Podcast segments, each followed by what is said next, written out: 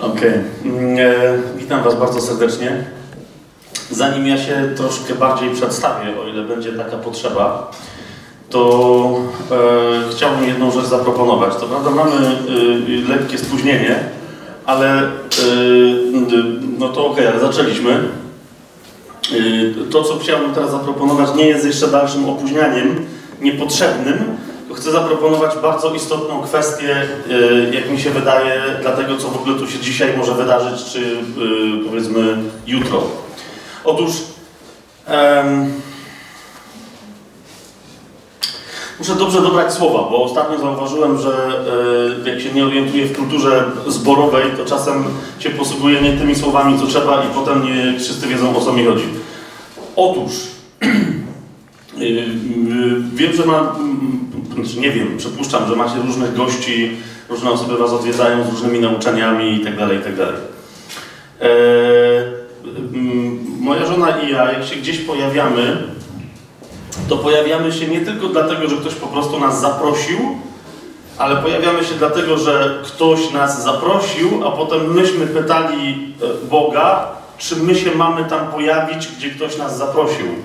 Czy to było zaproszenie po ludzku wystosowane, czy też Bóg coś chce gdzieś tam zrobić. Wiecie o co mi chodzi? I teraz, yy, i znowu, nie mówię teraz tego po to, żeby się, wiecie, krygować, że mm, my tu jesteśmy i wy tu jesteście, Bóg nas zaprosił. Nie, nie o to mi idzie. Tylko e, mając tę świadomość w sobie, chcę, bo nie wiem, e, po co ty tutaj jesteś dzisiaj. Z jakiego rodzaju oczekiwaniem, z jakiego rodzaju myślą, czego się chcesz dowiedzieć co chcesz przeżyć, czego chcesz doświadczyć.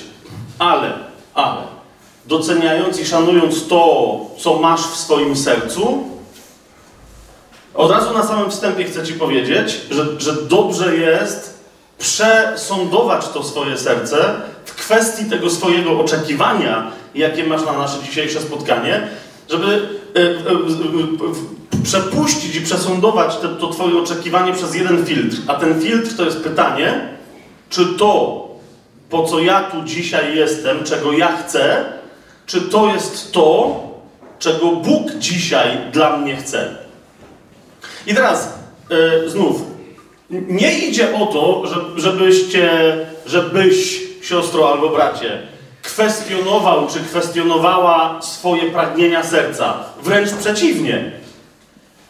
Ja myślę, że jedna z najważniejszych rzeczy w Kościele dzisiaj to jest przypomnienie sobie jednej prawdy, i być może, że jeszcze dzisiaj troszkę e, więcej tego dotkniemy. Mianowicie, że Bóg najczęściej do swoich dzieci, i teraz jestem gotów się o to naprawdę, jeżeli ktoś by się chciał zakładać, to jestem w stanie się o to założyć i, i potem możemy w tym zakładzie iść przez konkretne doświadczenia. Bóg najczęściej mówi do swoich dzieci, zwłaszcza w dzisiejszej przekrzyczanej i hałaśliwej kulturze, przez pragnienia, które wzbudza w ich sercach. Ok, my mamy w kościele całe, wiecie, są całe zbory, całe kościoły. Nie chodzi mi o to teraz, żeby kogoś krytykować, absolutnie jestem od tego jak najdalszy, ale są całe kościoły wręcz, które nieświadomie modlą się na zewnątrz i oczekują, że Bóg, bo sobie wyobrażają, że gdzieś na zewnątrz mieszka, że Bóg z zewnątrz coś im powie. I nadstawiają ucha dosłownie, fizycznego, tak? I mówią, jeżeli nawet nie, że nie oczekują, że się głos z nieba odezwie i coś im powie, to oczekują zewnętrznego znaku. I mówią: Przyszlij mi Boże swojego anioła. Niech się coś stanie, daj mi znak, niech ktoś do mnie przyjdzie, niech przyjdzie prorok i mi powie z zewnątrz, z zewnątrz, z zewnątrz, z zewnątrz. Bóg mówi z zewnątrz do najmniej dojrzałych swoich dzieci albo do ludzi, którzy w ogóle jeszcze nie są jego dziećmi, dlatego są kompletnie niedojrzali. E, nie chcę teraz naszego e, czcigodnego gospodarza obrażać, bo e, wręcz przeciwnie, ale no, zgodzisz się Stanisław, bo wczoraj opowiadałeś o tym, jak ty usłyszałeś głos, tak? E, to nie był e, najdojrzalszy moment twojej drogi e, duchowej, tak? Ale to jest, myślę, nie będę teraz ja opowiadał nie swojego świadectwa, no ale to właśnie wczoraj żeśmy rozmawiali. E, to w ogóle nawrócony byłeś wtedy? No ale właśnie, ale głos się odezwał prawie że fizycznie, tak? No właśnie, ale odezwał się głos i mówisz, co się, co się dzieje. To chyba Bóg, chyba Bóg powiedział. Otóż im dojrzalsze dziecko Boże, tym bardziej jest świadome czego? Tego, że Bóg zamieszkuje wewnątrz, a nie na zewnątrz. Przyjrzyj się, jak, rozumiecie, jakbyśmy mieli w ogóle teraz skończyć to nasze spotkanie, to już jesteśmy w samym centrum tajemnic Królestwa. W momencie, kiedy się modlisz, jaki masz kierunek swojej modlitwy, kiedy się modlisz? Czy się modlisz na zewnątrz, czy się modlisz do środka? I teraz mówimy, no ale jak do środka? Do, rozumiesz? Słowo Boże bardzo jasno stanowi, Ty jesteś świątynią Ducha Bożego. Czy tak mówi Słowo Boże? My jesteśmy świątynią, my jako my, ale rozumiecie, nawet jeżeli to jest zgromadzenie ciała Chrystusa, to zauważcie nadal, gdzie, kiedy gromadzi się Kościół, gdzie jest Chrystus? Poza swoim ciałem? Nie, znajduje się w samym środku tego ciała. Zauważcie, jak my czasem zbieramy się jako Kościół i podnosimy ręce do góry, to jeszcze ok, wszystko, ale podnosimy niektórzy oczy, oczy do góry i wszyscy wołają przyjdź, stąd z nieba. To jest bardzo dobre wołanie, ale ono się odnosi do tego, żeby Pan Jezus, tak jak wstąpił cieleśnie do nieba, żeby w ciele z nieba zstąpił i żeby się rozpoczęło tysiącletnie królestwo, które mamy obiecane, nie tylko my, tak, bo i Żydzi. Natomiast w momencie, kiedy my się modlimy o prowadzenie duchowe, kiedy idziemy w nurcie, okay, to, to musimy pamiętać o tym, że jeżeli, chyba że ktoś jest nieochrzczony w Duchu Świętym, to jeszcze możemy dzisiaj ten temat rozważyć, tak?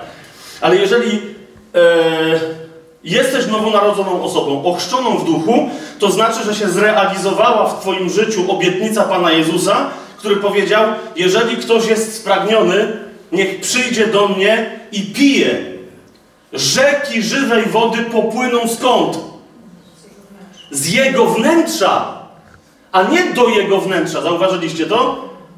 Jeżeli ktoś jest spragniony, zauważcie, ja jestem teraz spragniony, znaczy nie jestem, ale załóżmy, że jestem, tak? Ok, jestem trochę teraz. Teraz jestem jeszcze bardziej. I teraz normalnie człowiek zaspokaja swoje pragnienie w ten sposób. Tu, gdy idzie o duchowość, żeby zaspokoić swoje duchowe pragnienie miłości Bożej, bliskości Bożej i tak dalej, jedyne co może dla ciebie, jako do, dla nowonarodzonej osoby, przyjść z ulgą, to jest zwrócenie się do wnętrza, otwarcie zaworów swojego serca tak szeroko, żeby na powrót rzeka wody żywej popłynęła z Twojego wnętrza, podniósł się jej poziom i żeby zostało zaspokojone Twoje pragnienie przez rzekę wody żywej wypływającą z Ciebie, a nie wpływającą do Ciebie. Tak? Teraz ci, którzy wiedzą, że się mają modlić do środka, okay, są jeszcze bardziej zaawansowani, ale nawet ci oczekują wciąż jakiegoś rodzaju znaku od Boga, na przykład słowa, wizji osobistej, proroctwa, które sami sobie wypowiedzą, ale oczekują, że w tym skierowaniu do wnętrza Bóg nadal będzie z nimi rozmawiał, tak jak my rozmawiamy z osobami. I nie ma w tym nic złego. Tak?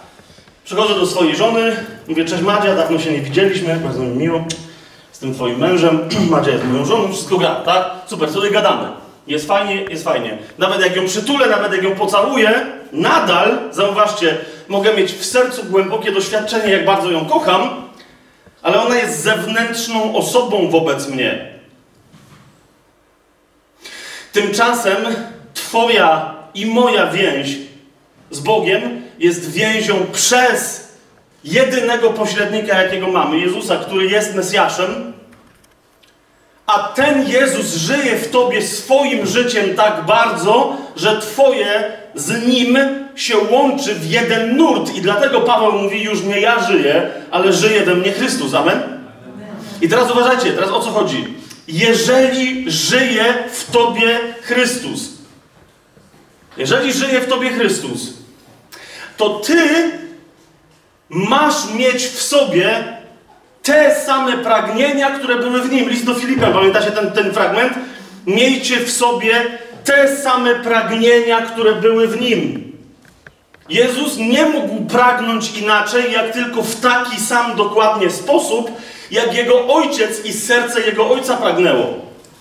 W momencie, kiedy on mówi: Ja nie czynię niczego od siebie, ale działam tylko tak, jak mój ojciec działa, ponieważ robię to, co widzę, że mój ojciec robi.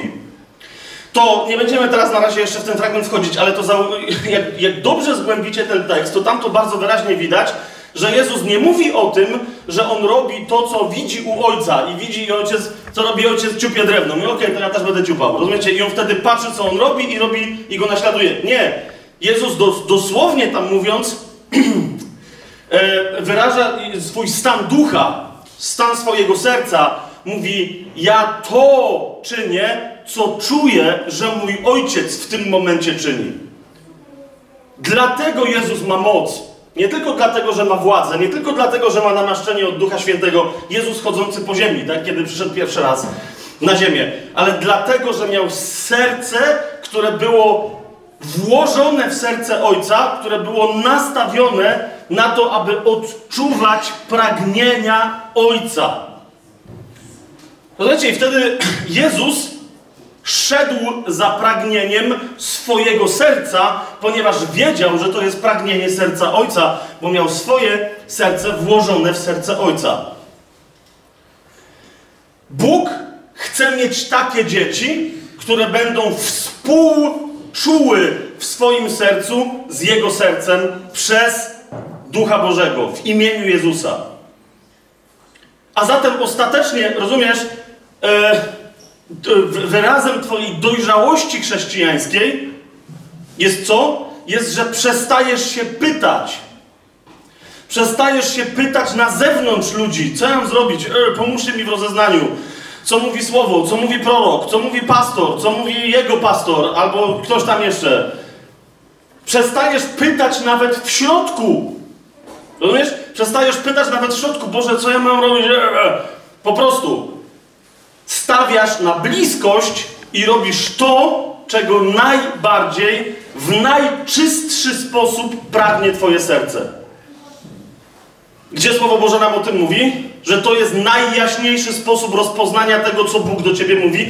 Oczywiście niektórzy mają z tym problem, ponieważ jak się ktoś inny zapyta, mówi, a czemu to robisz? I ja mówię, bo Bóg mi to powiedział, a jak On ci to powiedział?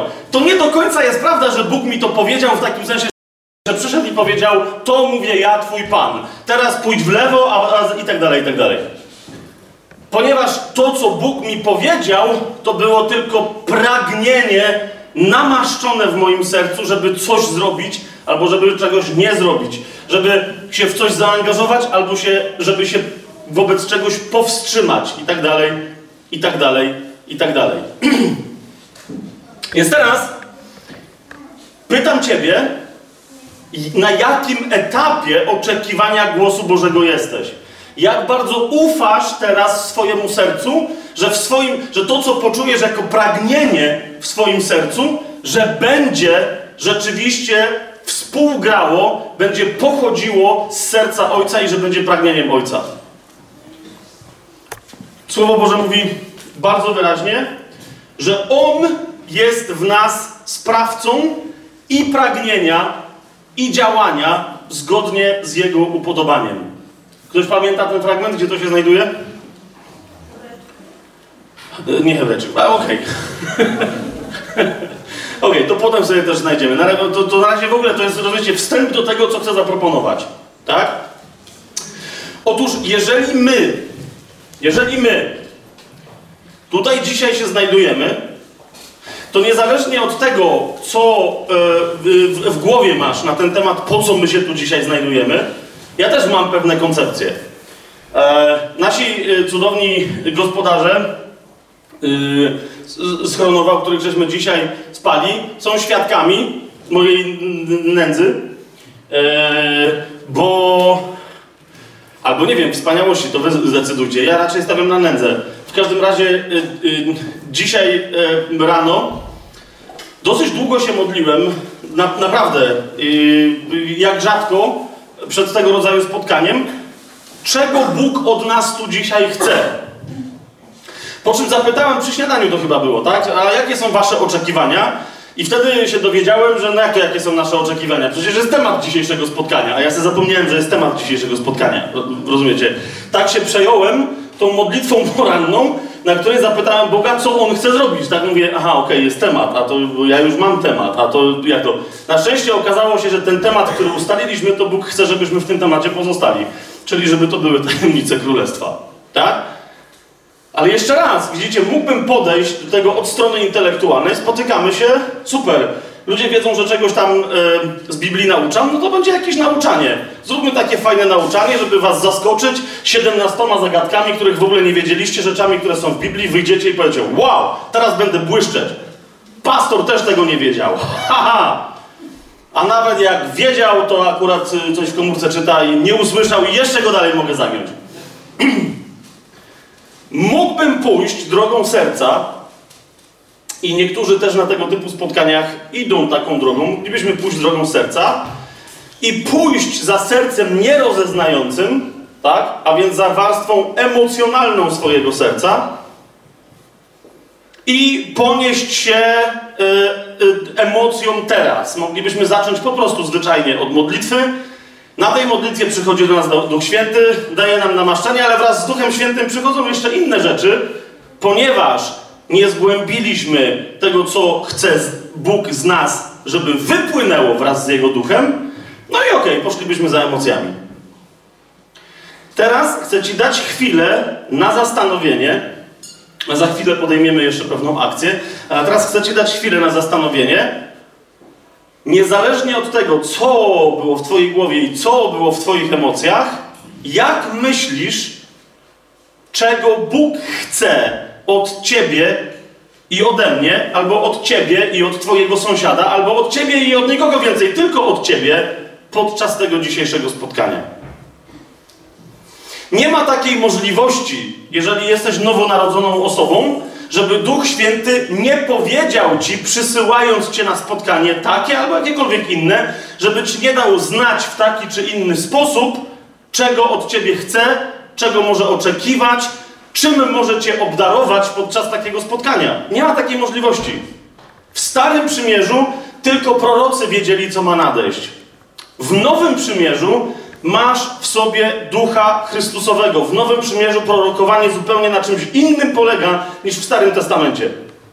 W Nowym Przymierzu wszyscy w ciele Chrystusa mają w sobie ducha Chrystusowego, a więc wszyscy w taki czy inny sposób, niekoniecznie urzędowo, ale w taki czy inny sposób prorokują, a nawet jeżeli nie prorokują dla takiej czy innej części ciała Chrystusowego, to powinni mieć proroczy wgląd w siebie i w swoje życie.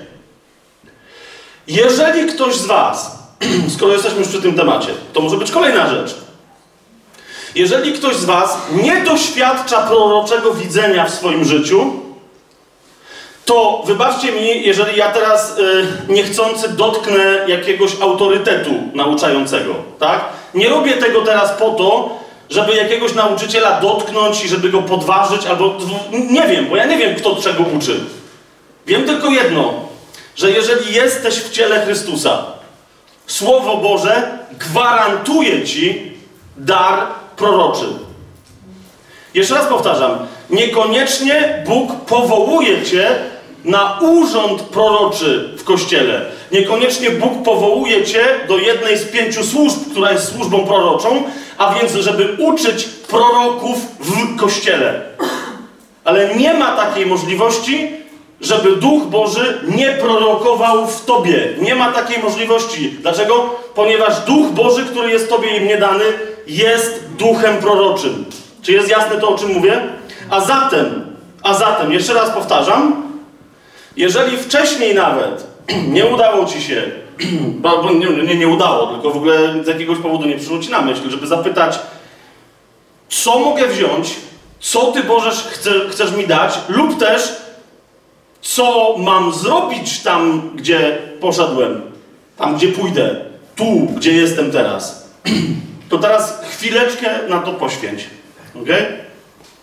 Zadaj Bogu to pytanie. Ok, my już nie mamy czasu teraz 5 minut siedzieć w ciszy i wszyscy, yy, żeby coś tam kombinowali, więc zaraz się pomodlimy razem, ale teraz widzicie, żeby była możliwa wspólna modlitwa, potrzebujemy zrobić jeszcze jedną rzecz.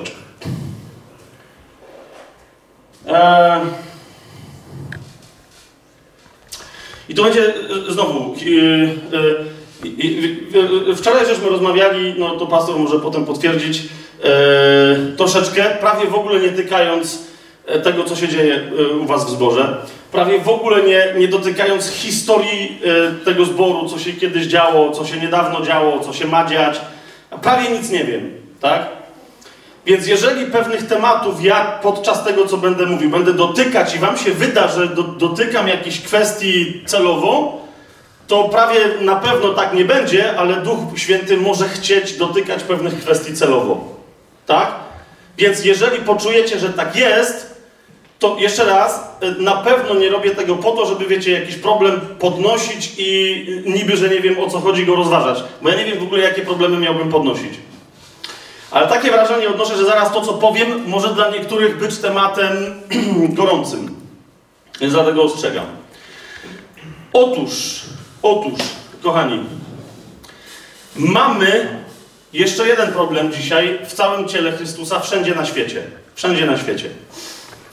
Problem, według mnie, stworzony przez szatana.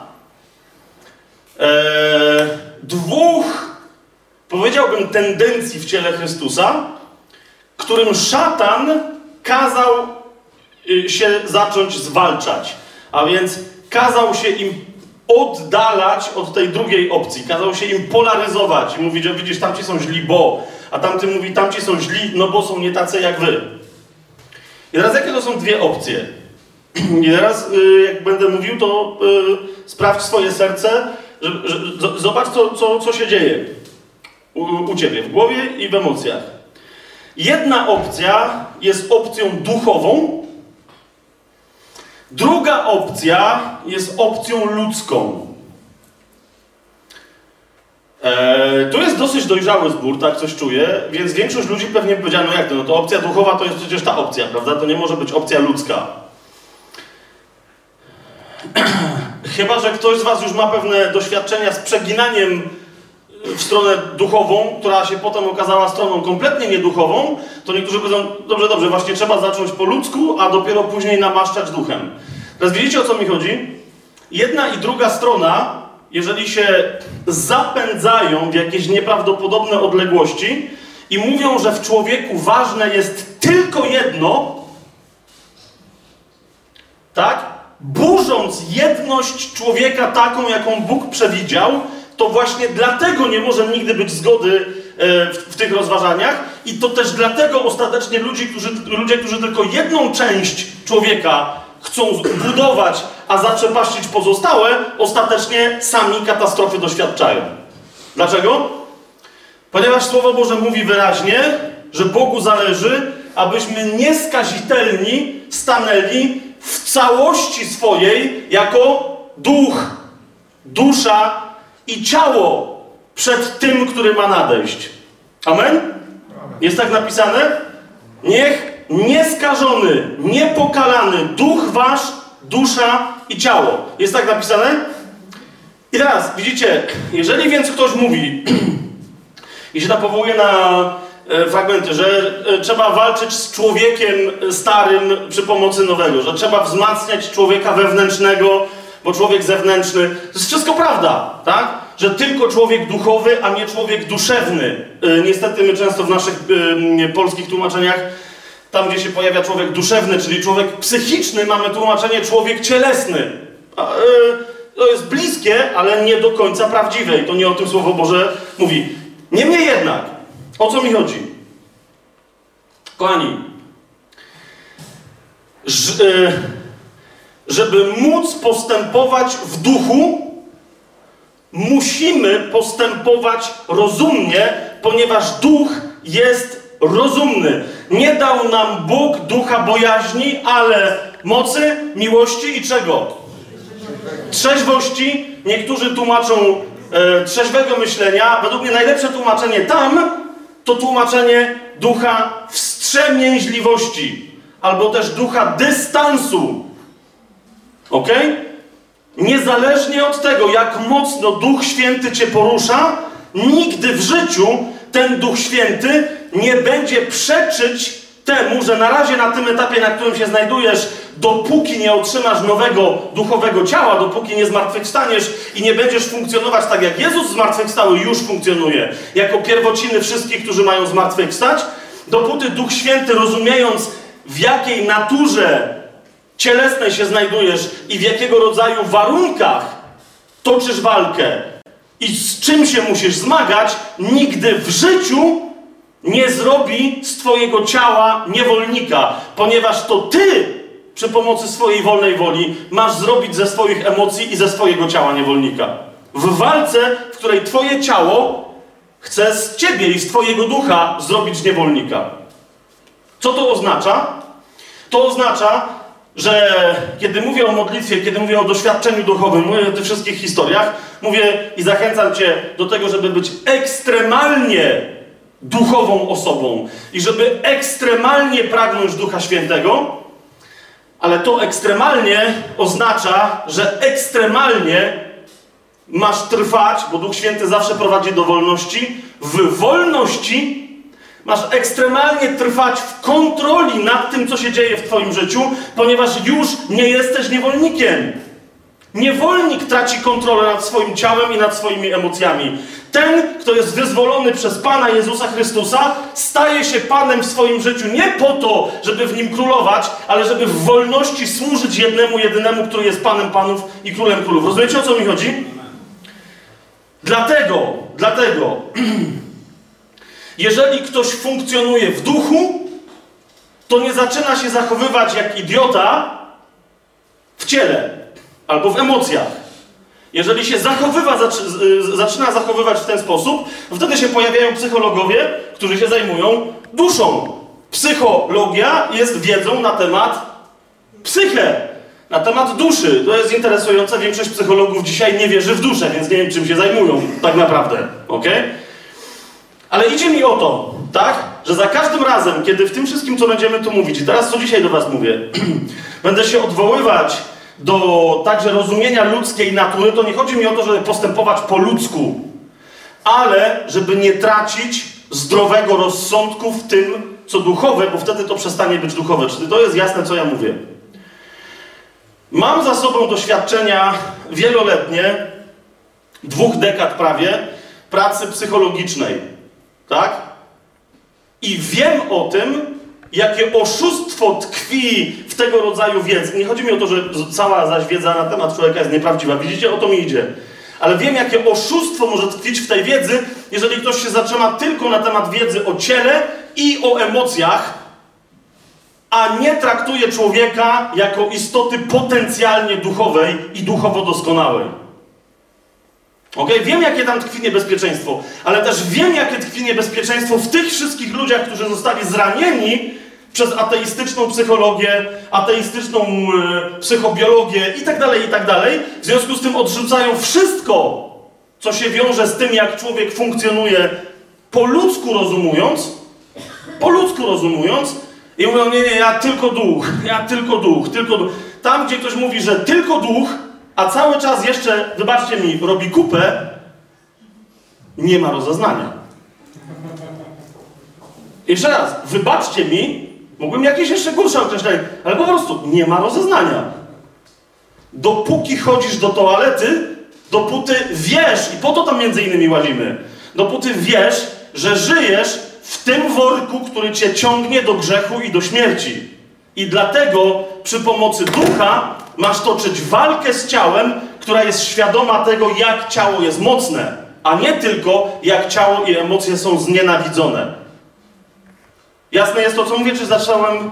Dobra, okej, okay, okej. Okay.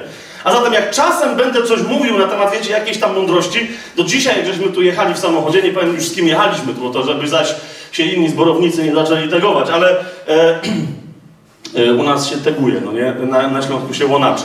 U, u, was nie wiem, nawet nie wiecie co powiedziałem teraz, dobra, nieważne.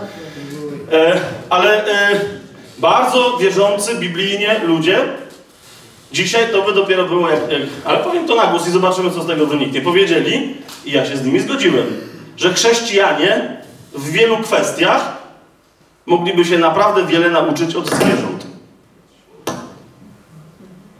Konkretniej mówiąc od świni. O, i teraz świnia jest przeklęta w Biblii. Okej. Okay. Okej. Okay. Ale widzicie, e, jak dzisiaj usłyszałem, jak reagują, e, bo ja tego nie wiedziałem, tak? Jak reagują e, to się nazywa, czy... No w każdym razie, tak, no mamy, świnie mamy, tak? Jak jedna mała świnka, mały warchlaczek, gdzieś tam się dostanie, rozumiecie, zakleszczy się i tam daje znać, że jest w niebezpieczeństwie. Okazuje się, że wszystkie te matki, rozumiecie, walczą o to, żeby pomóc. Nieważne, czyje to jest dziecko. Nieważne, czyje to jest dziecko. I teraz powiedzcie mi, Pan Jezus dając, bo tam tylko wam tłumaczę o co mi chodzi, tak? Świnie, wszystkie rzucają się do walki o tego jednego, który jest w potrzebie. Pan Jezus chrześcijanom powiedział, przykazanie nowe daję wam. Jakie? Abyście się wzajemnie miłowali. Widzę, że jest znajomość pisma. Jest moc, jest dobrze. Teraz powiedzcie mi, Pan Jezus dał to przykazanie, ponieważ nie było go w Starym Przymierzu, tak? Oczywiście, że było. No właśnie, teraz zaczyna się. To w takim razie powiedzcie mi, jeżeli Pan Jezus powiedział, abyście się wzajemnie miłowali, no to w takim razie to nie jest nowe przykazanie, nie? Jak brzmi nowe przykazanie? Przykazanie nowe daję wam, abyście się wzajemnie miłowali. To jest Stary Testament cały czas. I teraz się zaczyna nowy. I to jest nowe. Tak, jak ja was umiłowałem, a nie jak wam przepisał Mojżesz. W Lublinie mieliśmy, a no tak, bo zobacz w Lublinie i to ja o tym gadałem, no to, ale bardzo dobrze. Kiedyś, kiedyś trzeba było się dowiedzieć. Okej. Otóż e, to dzisiaj tego nie będziemy robić, to są, są już chyba nawet nagrania na, są na YouTubie, tak? To sobie możecie sprawdzić. Ale niektórzy chrześcijanie, wierzcie mi, są zszokowani, kiedy czytają, jak bardzo rozbudowane jest przykazanie wzajemnej miłości w Starym Przymierzu, co Bóg tam nakazuje robić w ramach kochania się nawzajem.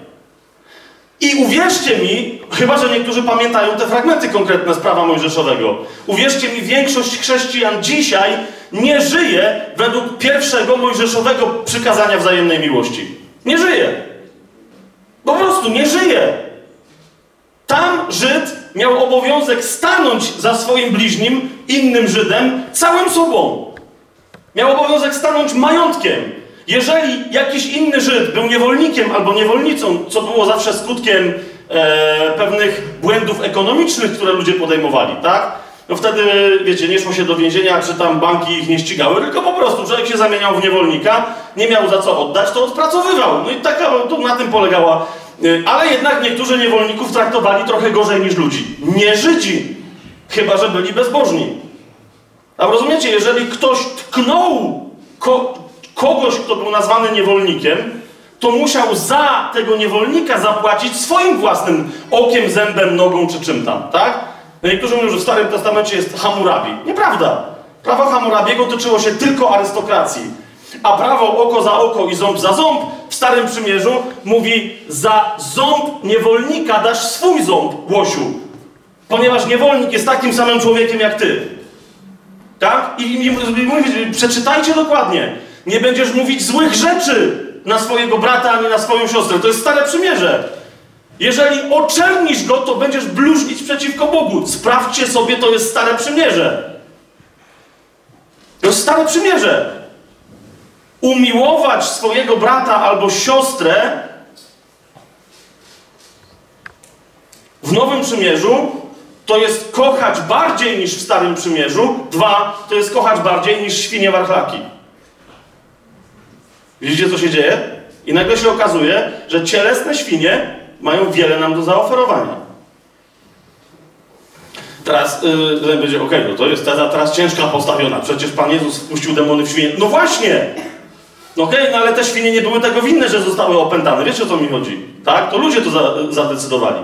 A zatem, a zatem, jak najbardziej szukamy ducha i dzisiaj chciałbym, żebyśmy dotknęli jednej bardzo istotnej tajemnicy Królestwa i przy okazji paru innych już dotykamy, ale zanim to zaczniemy robić, potrzebujemy w ciele zorientować się, z kim cieleśnie tutaj się znajdujemy. Po co? Żeby móc dzięki temu mieć przynajmniej wstępną świadomość, z kim się modlimy, z kim słuchamy Słowa Bożego i komu ewentualnie możemy posłużyć, albo kto nam może posłużyć. Bo na przykład, rozumiesz, być może, że fakt, że ja tu dzisiaj jestem, to jest tylko pretekst do tego, żebyś ty, siostro, albo żebyś ty, bracie, w przerwie, w korytarzu ogłosił komuś Ewangelię i żeby on tam przyjął Chrystusa. Ja nie wiem, czy tu wszyscy, którzy dzisiaj przybyli, są wierzący. Nie, nie wiem tego. Mamy tu jedną siostrę, która, e, nie, nie wiem, bo jest więcej pewnie takich ludzi, nie, nie wiem, ale ta na pewno przyjechała ze Śląska, nie jedna, tak? E, kiedyś na spotkanie w Lublinie przyjechała też ze Śląska, ja nie wiedziałem, że co tam się dzieje i e, myśląc, że mamy, wiecie, studium biblijne prowadzić, mnie Bóg cały czas zmuszał, żeby robić coś innego. Po pierwszej sesji dziewczyna podchodzi i mówi, nie wiem, co ty tu bredziłeś. Ja też nie wiedziałem, mówię, wiesz, no ja też nie wiem. Cały czas co innego chciałem powiedzieć i co innego ze mnie wychodziło. I ona mówi, nie, nie, nie wiem o co ci chodziło, ale mówi, nie mogę wytrzymać. Mówi, muszę przyjąć Pana Jezusa teraz. Amen? Tak było? Teraz widzisz, wtedy to było moje zadanie, któremu się opierałem. Bo mówię, no zaraz, ja tu jestem profesjonalnym mówcą, ja tu jestem biblijnym nauczycielem, ja tu mam sprawę do, a nie tam... A cały czas w środku miałem głoś Ewangelię, głoś Ewangelię, ale to jest sam komu? Doświadczonemu zborowi? To, to wszyscy tutaj chcą jakiś, wiesz, ciekawostek z Biblii, Boże! A Bóg mówi, dobra, głoś Ewangelię, rób co ci każe. No i tak żeśmy się zmagali, przez ile to trwało tam? Z godzinę 15 minut, nie? Po czym dziewczyna podchodzi. Rozumiecie? Dla niej jednej cały zbór musiał wysłuchać mojego głoszenia Ewangelii, którego, której ja nie głosiłem. Ale gdybym głosił, a oni by wszyscy rzeczywiście oczekiwali skarbów y, biblijnych, to i tak po to Bóg ich tam przysłał, żeby się modlić za łosia, który czemu takie podstawy gada, żeby później zobaczyć ten cud. Tak czy siak, niezależnie od tego, jak wszyscy się Bożemu duchowi opieraliśmy, ten cud nastąpi. Nie wiem, po co to dzisiaj jesteś, no ale to jest następna historia, tak? Może ktoś z was się musi tam spotkać i się dowiedzieć, po co ktoś jeszcze... Dobra. A zatem, a zatem, trzy minuty, kochani, trzy minuty. Chciałbym wam zaproponować, żebyście się nie modlili na razie, ale żebyście łaskawie podnieśli się i poznali przynajmniej trzy osoby, które tu widzicie, że ich nie znacie. No ci, co ze Śląska przyjechali, to tu nikogo nie znają. To jest, z tego, co rozumiem. Przez Lublina, tak? No ale cała reszta, no właśnie, to już wam pokazałem. Są dwie dziewczyny ze Śląska, jedna z Lublina, a może jest więcej nieznanych osób. Jeżeli ktoś z was, bo to jest kolejna rzecz, ja mam plan, chcę wam przynajmniej jedną bardzo konkretną, mam nadzieję, że przynajmniej dla trzech osób na tej sali przełomową kompletnie rzecz powiedzieć. Nieważne jak długo jesteś wierzącą osobą. Kompletnie przełomową rzecz. Ale jeżeli ktoś z was podejdzie tutaj i powie, dobra, fajnie, ale ja mam pytanie. Podejdzie 15 osób tutaj i powiedzą, ale mamy pytania, to naprawdę do wieczora, do wieczora będziemy odpowiadać na te pytania. Mniejsza o to, co ja mam przygotowane. Jest to jasne? Ponieważ ja tu jestem po to, żeby służyć i żeby wykonać dzieło Boże, myślę w sercu, że wiem, czego Bóg chce, ale być może, że wy też wiecie, macie jeszcze lepsze rozeznanie i ktoś mi może powiedzieć. Amen? Trzy minutki, poznajcie te osoby, których nie znacie, może nawet zmieńcie miejsce do siedzenia. Tu z przodu jest parę, słuchajcie, jeszcze wolnych miejsc. Podejdźcie tu bliżej. No mi, bo, e, ta na przykład dziewczyny y, siedzicie, a y, ja głównie dlatego się tak drebo o was myślę, no i tak krzyczę tam do was. Okej. Okay. Trzy minuty, słuchajcie, i po trzech minutach y, pójdziemy dalej. Trzy minuty. Do. Dobrze, kochani. chcę wam zadać szokujące pytanie e, które jest szokujące dlatego, że, e, że w ogóle może jeszcze kogoś w kościele zszokować, a odnoszę wrażenie, że prawie wszystkich szokuje. E, I jest szokujące, że ludzie mogą być nim zszokowani, gdy zamiast być nim zszokowani, powinni szybko na to pytanie odpowiedzieć i pokazać w swoim życiu odpowiedź. Nie tylko werbalnie, ale w swoim życiu. Pytanie brzmi, i zanim się za chwilę wkurzycie, obrzucicie mnie krzesełkami i pójdziecie, to yy, zaczekajcie, tak? Bo będziemy musieli troszeczkę... Yy, sobie wszystko powoli wyjaśnimy. Sobie wszystko powoli wyjaśnimy. Ale pytanie brzmi, jakie jest twoje powołanie? Takie, takie, takie pytanie. Jakie jest twoje powołanie? Kto z was, kto z was mógłby podnieść rękę, e, kto jest gotów powiedzieć, jakie jest jego powołanie, oddać chwałę Bogu, przyjść tutaj i powiedzieć wszystkim, jakie jest jego powołanie? Kto z was jest teraz gotowy, żeby to zrobić? Raz, dwa, trzy, cztery, pięć, sześć. Okej, okay, okej, okay. zaczęło się. Dobra, ryzyk fizyk. Dobra, okej. Okay. Teraz uważajcie. Teraz yy, zadam drugie pytanie. Kto z was, z tych, co podnieśli, teraz ci, co nie podnieśli ręce, odetchnijcie z ulgą. Teraz się pytam tych, co podnieśli ręce. O, ale słuchajcie, yy, bo teraz robię taką akcję, a za chwilę będę zadawał pytanie i się będziecie bali odpowiadać. Żadne z moich pytań nie jest podstępne. Jednocześnie wszystkie są, tak? Ale nie przejmujcie się, to nie, nie, nie, nie ma żadnego znaczenia. Ale pytam się teraz tych, co podnieśli ręce. Kto z was nadal jest gotów tu przyjść i powiedzieć, jakie jest jego powołanie, ale w ani jednym zdaniu nie powie, co Bóg chce, żeby robił?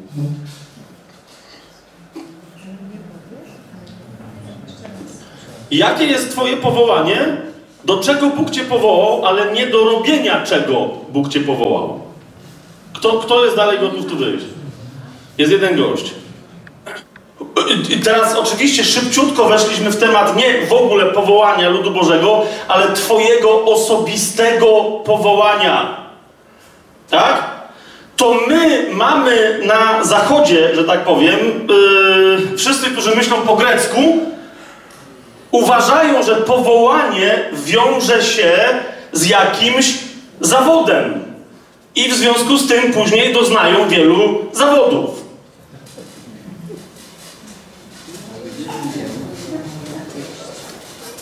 Zawód oznacza, że jeżeli jestem właśnie powołany, to zauważcie, po polsku my od razu jestem do czegoś powołany.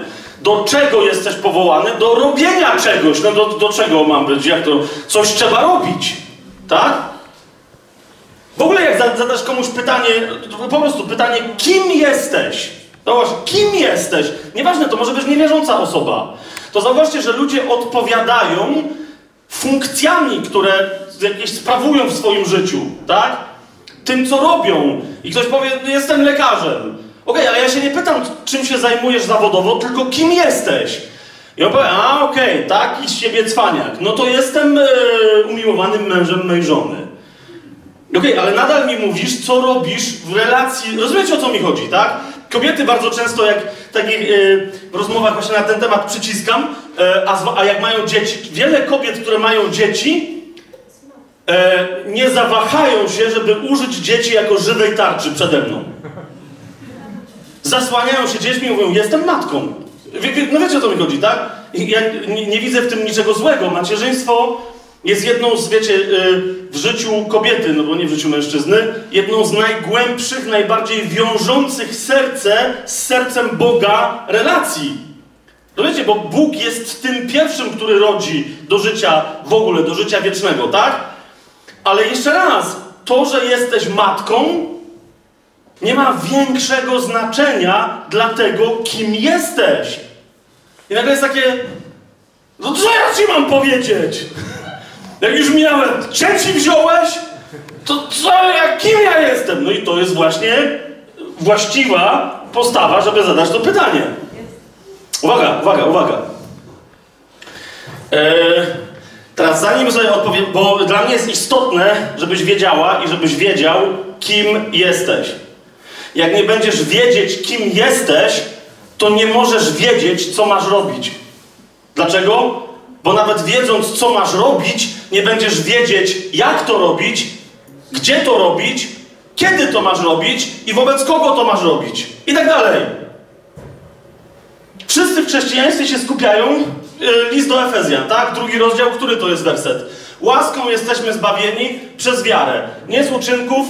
Który to jest werset? Drugi rozdział, ale werset. Ósmy. A co jest dalej? Kto ma z was Biblię? Bo ja mam UBG, nie wiem, czy macie to samo tłumaczenie, może wy tam macie coś innego. Co tam jest dalej napisane? Co tam jest dalej? Niektórzy wiedzą, ale mówią, e, może powiem, a może zaś, tam jest co innego napisane. Nie, dobrze pamiętacie. Co tam jest napisane? Niech ktoś przeczyta na głos.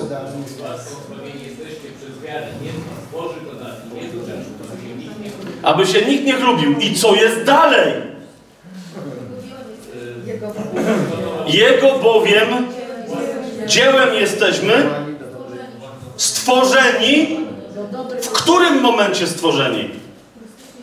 W momencie zbawienia.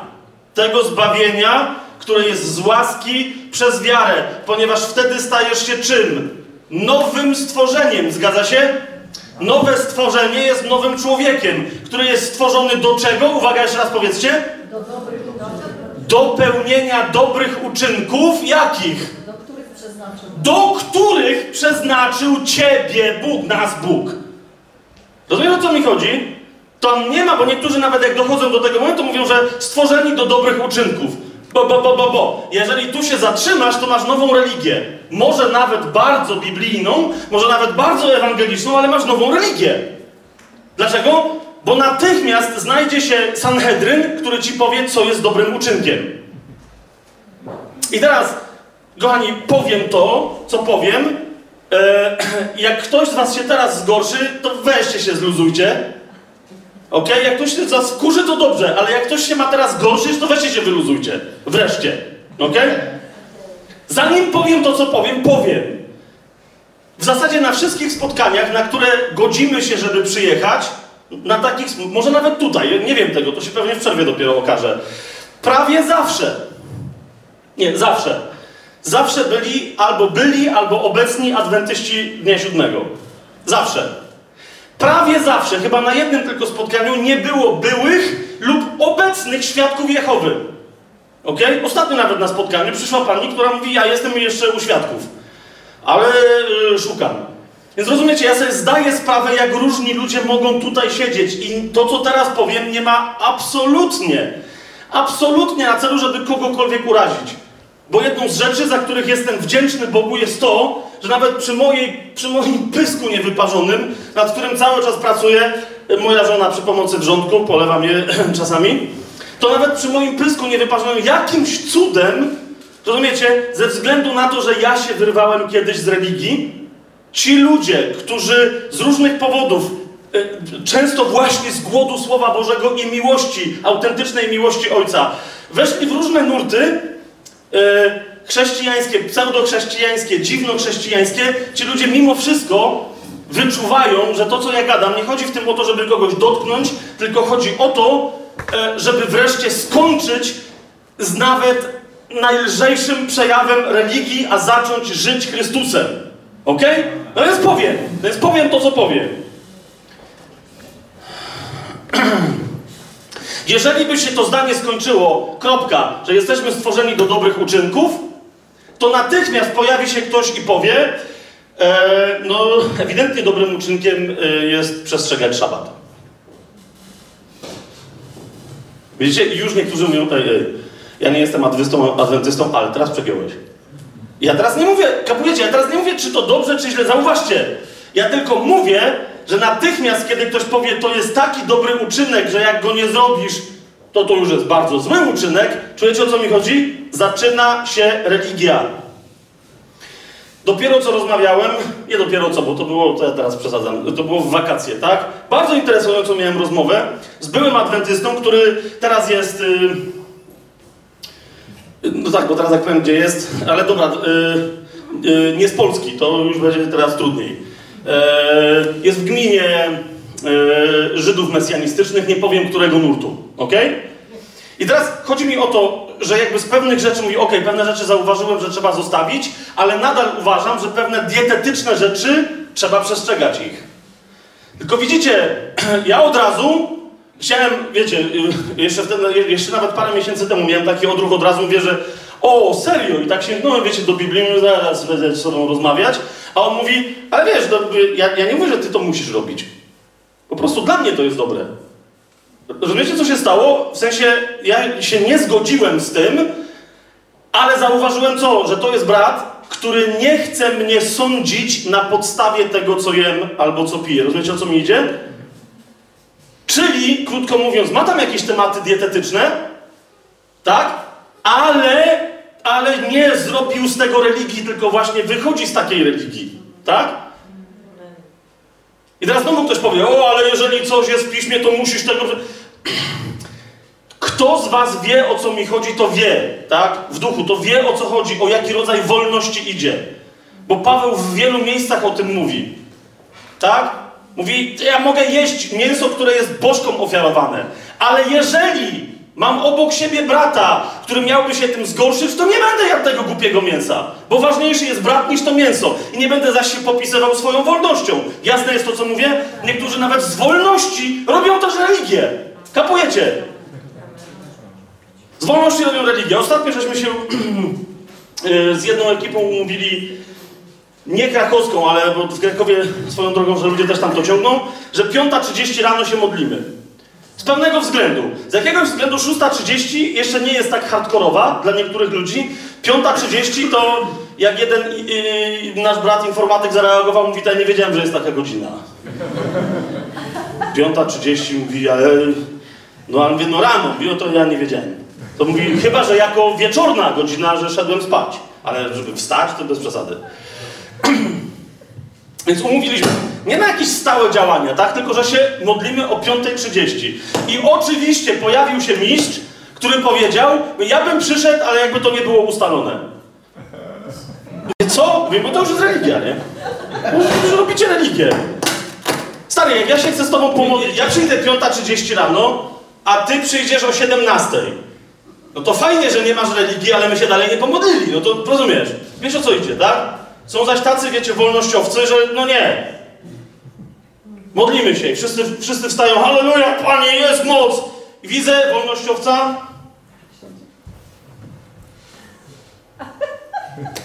I widzę, że, rozumiecie, że go rwie, tak? Bo tam jest pieśń, jest, jest moc, je, jego rwie, ale nie, on siedzi. Potem się go pytam, wie, co ty to robisz, nie? A ja nie będę tak robił jak wszyscy.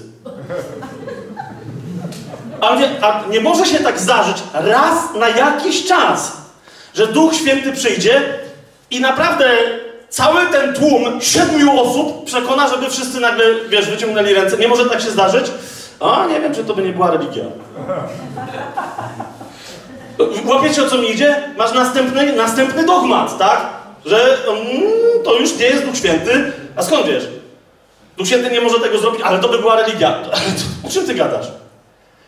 Zatem, niezależnie od tego, w którą to stronę mogłoby pójść, ku wolności wyswobodził nas Chrystus, tak? List do Galacjan. Teraz wracamy do tego listu do Efezjan. Jeszcze raz, co tam jest napisane, że jesteśmy stworzeni do czego? Do dobrych uczynków, ale nie w ogóle do jakiegoś zestawu, których ktoś chciałby nam przepisać, ale do takich dobrych uczynków, do jakich Bóg nas przeznaczył. Teraz widzisz, jest rzeczą niemożliwą, po prostu, jest rzeczą niemożliwą, żeby Bóg Ciebie przeznaczył do takiego zestawu dobrych uczynków, do jakiego mnie przeznaczył. Rozumiesz, o to mi chodzi? Jest rzeczą niemożliwą, żeby Bóg Twoją żonę przeznaczył do takiego samego zestawu dobrych uczynków, jak Wycliffe'a paręset lat temu. To jest niemożliwe. To jest niemożliwe, żeby Bóg twoją, Twojego tatę przeznaczył do takiego samego zestawu dobrych uczynków, do jakiego, przez, do jakiego przeznaczył Watchmana Ni w obozie koncentracyjnym w Chinach parę dziesiąt lat temu. Rozumiecie, o czym mówię? To jest niemożliwe. Co więcej, nawet jeżeli masz kogoś, tak, kto jest Ci bardzo bliski, to jest Twoja żona, Twój mąż, Twoje dziecko, rodzin, Twoja dziewczyna, Twój przyjaciel, ktokolwiek, tak, kto jest Ci bardzo bliski, bardzo do Ciebie podobny, Nadal uważaj, ponieważ Bóg nie powołał cię do takich dobrych uczynków, do takiego samego zestawu dobrych uczynków, jak tę drugą osobę. Wszystko, widzicie, wszystko naprawdę zaczyna się od odpowiedzi na pytanie, kim więc jestem. A uważajcie, odpowiedź na pytanie, kim jestem w oczach Bożych, jakie jest moje osobiste powołanie, musi w sobie zawierać pewne warunki, inaczej nie jest odpowiedzią na to pytanie. Jakie to są warunki? Pierwszy i najważniejszy, jeżeli odpowiadasz na pytanie, kim jestem w oczach Bożych, jakie jest moje osobiste powołanie, uważaj, Twoje powołanie. A więc odpowiedź na to pytanie może być odpowiedzią, którą tylko Ty możesz wypowiedzieć. Może być odpowiedzią, którą tylko ty możesz wypowiedzieć i cały duchowy wszechświat, który stroje, stoi po stronie Boga, powie Amen, siostro powie Amen, bracie, tak, to jest to. Nikt inny nie może tego powiedzieć, tylko ty. Kapujesz? I dlatego nie kwestionuję odpowiedzi na, na pytanie, że ja jestem powołana, żeby kochać wszystkich, tak? Żeby stać na, na straży jako, jako straż, okej, okay, żeby trwać te wasze odpowiedzi, tak? Wspierać świętych, wszystko gra. Ale zauważ, jeżeli twoja odpowiedź, a to były odpowiedzi, tak? Najpierw tylko mówię o tym aspekcie, czy ona jest wyłącznie moja. To są odpowiedzi, do, pod którymi jeszcze inni mogliby się podpisać. Podobnie jak wiele innych kobiet mogłoby się podpisać, jeżeli ty powiesz, ja jestem matką, to stanowi o mojej wyjątkowości, a inna matka powie, ja też jestem matką. A zatem o twojej wyjątkowości musi stanowić coś innego. Rozumiecie, o co mi idzie? A zatem jeszcze raz, czy to jest nieprawda, co powiedzieliście? To jest prawda, zapewne. Ale idzie mi o to, co jeszcze tam się dzieje. Czego jeszcze brakuje, co tylko ty możesz powiedzieć. Niektórzy ludzie mówią, a czy aby na pewno tak jest? Słowo powołanie w Biblii raczej pokazuje zbiorowe powołanie albo wezwanie człowieka do zbiorowości. W dodatku y, często to słowo troszeczkę wygląda na to, że deprecjonuje ludzi. Otwórzcie sobie razem ze mną pierwszy list yy, Pawła, apostoła do Koryntian. Zobaczcie, to jest jeden z przykładów, ale potem sobie możecie porównać yy, to słowo i wtedy ja wam powiem, o co mnie idzie i co nazywam powołaniem, tak? Gdzie to się w Biblii znajduje. Ale najpierw to, żebyśmy mieli tu rozjaśnione słowo powołanie w Biblii, nasze tłumaczenie pewnego greckiego słowa, mniejsza to teraz, co tam się dzieje, yy, które przyjęliśmy, że jest to powołanie. Przykładem tego jest pierwszy do Koryntian, pierwszy rozdział, 26 werset. Na przykład. I tam jest powiedziane, przypatrzcie się bowiem, bracia, waszemu powołaniu.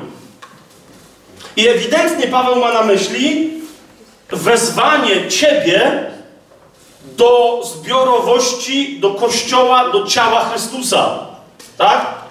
I w tym sensie Paweł mówi, wszyscy mają takie samo powołanie. To znaczy, wszyscy byli martwi, zostali zrodzeni do nowego życia, są nowonarodzeni, a przez nowe narodzenie wchodzą w ciało Chrystusa.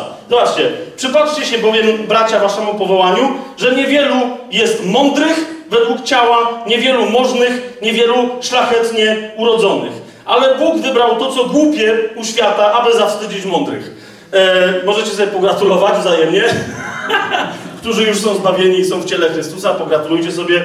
Serdeczne gratulacje. Gratuluję, że jesteś niezbyt mądra. Cześć.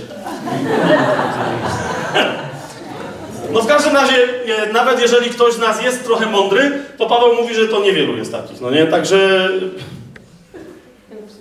I niektórzy powiadają, widzisz, to jest powołanie. Człowiek jest powołany do tego, żeby wejść w ciało Chrystusa i tyle jest po robocie. Rozumiesz? I w ciele Chrystusa wszyscy mają robić to samo. Nowe przymierze składa się z nowych, jeszcze bardziej surowych przykazań niż stare przymierze. Sam przed chwilą powiedziałeś, że mamy się miłować nie tak jak Żydzi Żydów, siebie nawzajem, tylko tak jak Jezus nas umiłował. No to masz. No to masz. Kochani, o tym, że każdy z nas ma swoje osobiste powołanie. Zacznę troszeczkę teraz z tyłu, ale cały czas chcę, żebyście zaczęli myśleć, a przy, znaczy myśl, widzę, że myślicie, ale chodzi mi o to, wiecie, żebyście, żebyśmy my wszyscy się nauczyli kultury naprawdę nurzania się w Słowie Bożym, jedzenia Go, yy, wrzucania się w Słowo Boże jak w ziarno, żeby Słowo Boże nas przemielało z każdej strony i żebyśmy mieli pełną Bożą wizję. Otóż otwórzmy sobie Księgę Objawienia. Widzisz, dopóki jesteś grzesznikiem czy grzesznicą, byłeś albo byłaś, e, dopóty jedyne, o co należało dla ciebie walczyć, to była nie nagroda, nie zapłata, ale darmowy dar bycia zbawionym i zachowanym od kary wiecznego potępienia. Amen? To jest to, co. Słuchajcie, dlatego ja się czasem dziwię, jak ludzie głoszą, mówią, co, co, co wy tam robiliście, tak?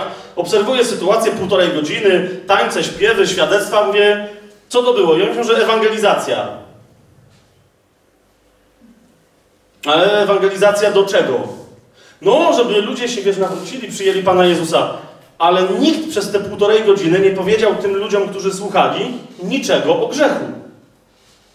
To była ewangelizacja. Ale nie możemy tak drastycznie, wiesz, trzeba mu powiedzieć o miłości, że Pan Jezus jest super, że uzdrawia, że jest sukces, pieniądz płynie z góry, wypływa z dołu, sypie się z kieszeni. Jest super! No wiesz, ale dla kogo, o co chodzi, że jest super? To wszystko ludzie, Słowo Boże w wielu miejscach mówi wyraźnie, nie zazdrość grzesznikowi, że mu się powodzi. Zgadza się? Krótko mówiąc, jest masę grzeszników, którzy ci powiedzą, no fajnie, że wam dopiero Jezus musiał pobłogosławić, mi nie pobłogosławił, a też mam. No i o co chodzi? A tu sęk w tym, że no o to chodzi, że cóż tego, że masz, skoro nic z tego nie weźmiesz w momencie, kiedy umrzesz. I jedziesz Rolls Royce'em, ale prosto na spotkanie przepaści. Tak? To, to na tym polega problem. A nie na tym, żeby ogłaszać, jak Jezus cudownie błogosławi. Bo za chwilę masz problem, jak kogoś nawrócisz w ten sposób, żeby mu powiedzieć, a teraz, jak już przyjąłeś dobrą nowinę o tym, że Pan Jezus cię zbawił, no to muszę ci powiedzieć, że przez wiele przeciwności trzeba nam przejść do Królestwa Niebieskiego. Uuu. I ten mówi, no to zaraz, no to to jest ściema, tak? No bo miało być fajnie, a jest głupio, gdzie jest dobra, no i tak dalej. Dobra nowina zaczyna się od głoszenia złej nowiny, że grzesznik jest grzesznikiem. Rozumiecie o co mi chodzi? Tak?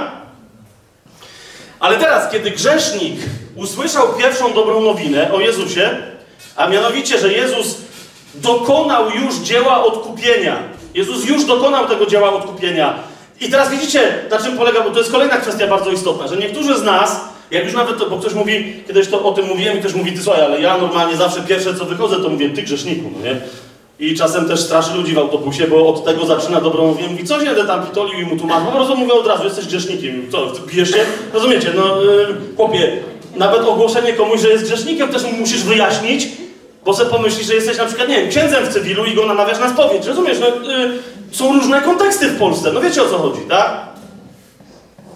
Sam zresztą tak robiłem, to wiem, no nie? ale to o tym jeszcze nie, nie w tym momencie.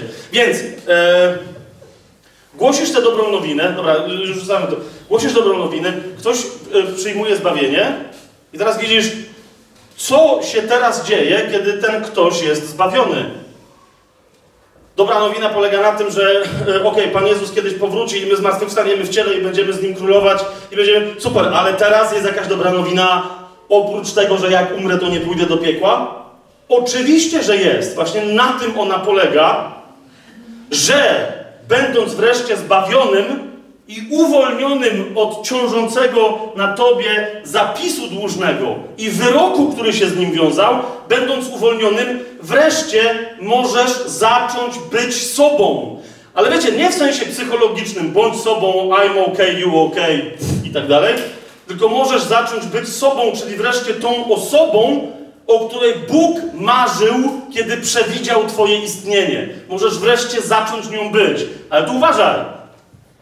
Żeby zacząć być tą osobą, niektórzy właśnie otwierają się i mówią: No to rób mnie Boże. Jestem Pinokio, rzeźb. Poddaję się. Tak, żeby nie za bardzo bolało, ale daję się.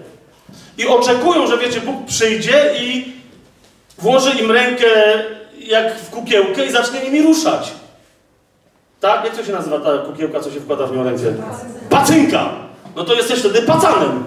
Bóg nie chce mieć ludzi, którzy byliby pacanami. Bóg nie będzie w ciebie wkładał ręki, rozumiesz? Bo dał ci wolność. A więc widzisz, w momencie, kiedy otrzymujesz dar nowego narodzenia, nowego życia w duchu, zaczyna się fantastyczna przygoda, w ramach której możesz zacząć tworzyć siebie, swoją rzeczywistość wokół, moc Królestwa Bożego. Tu i teraz, i jutro, i za chwilę możesz zacząć, idąc z mocą Bożą, tworzyć te wszystkie genialne dzieła, do których Bóg cię zamyślił, bo naprawdę byłoby bez sensu wymyślać kogoś, kto by miał tylko przeżyć 38 lat i dobra, nara, no nie? Co to za historia? To najlepiej byłoby stworzyć człowieka, zbawić go i ukatrupić od razu, no bo, no rozumiesz, skoro, no, no albo niech robi, nie wiem, grzeszy jakoś tam w miarę ma z tego zabawę, i niech się nawróci pod koniec życia. No wiesz o co mi chodzi, tak? I też, no nawrócił się ukatrupiony, dobra, i teraz się zaczyna dopiero życie. Nieprawda. Nieprawda. Im szybciej my się nawracamy, im szybciej nam się uda, współdziałając, yy, yy, współpracując z Duchem Świętym, kogoś nawrócić, tak? Tym więcej czasu najprawdopodobniej dajemy temu człowiekowi, żeby zaczął w swoim życiu robić to, do czego Bóg go powołał. A ilu chrześcijan dzisiaj to robi? No, Nie robią, bo się cały czas patrzą na innych i mówią, to ja może bym to, to by było fajne, o, ten gość jest, o, super byłoby być. Ale dopóki nie mają odpowiedzi na pytanie, kim ja jestem, to, to nawet, rozumiesz, bo ktoś może powiedzieć, czuję, ja bym też chciał mieć swój kościół, tak jak jeden. Ale pytanie brzmi, ale po co? Teraz to jest dobre pytanie do niego, ale on pe- pewnie, yy, rozumiesz, bo chodzi o to, że to nie idzie o to, żeby tobie było fajnie mieć kościół, tylko po co Bóg chce mieć kościół, który ty prowadzisz? Kapujesz? Po to, po co Gienek? No to już Gienek ma kościół, to jemu daj robotę, tak? Chyba, że Bóg chce zrobić coś, czego nie może zrobić przez Gienka. Na przykład dlatego, że Bóg chce, żebyś była, e, żebyś był pastorem e, w Kambodży. no wiesz, no to wtedy super, naśladuj Gienka w Kambodży. No na pewno ci się uda. Zwłaszcza w Kambodży. Rozumiesz? Ale nadal, zauważcie, ja znowu mówię o tym, ale to czyli powołanie to jest to, co mam robić? Nie. Najpierw to jest to, kim ty masz być. Rozumiesz? Dlaczego to jest istotne? Bo, do, bo w momencie, kiedy twoja wartość miałaby wynikać z tego, że robisz to, co masz robić, to znaczy, że nie byłoby twojej wartości wtedy, kiedy nic nie robisz z tego, co masz robić. A tak nie może być. Bóg kocha ciebie jako osobę wartościową.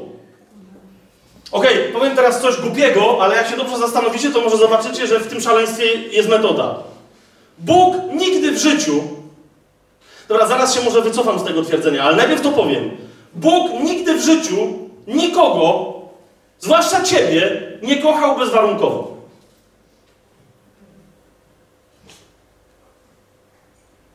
Pomyśl.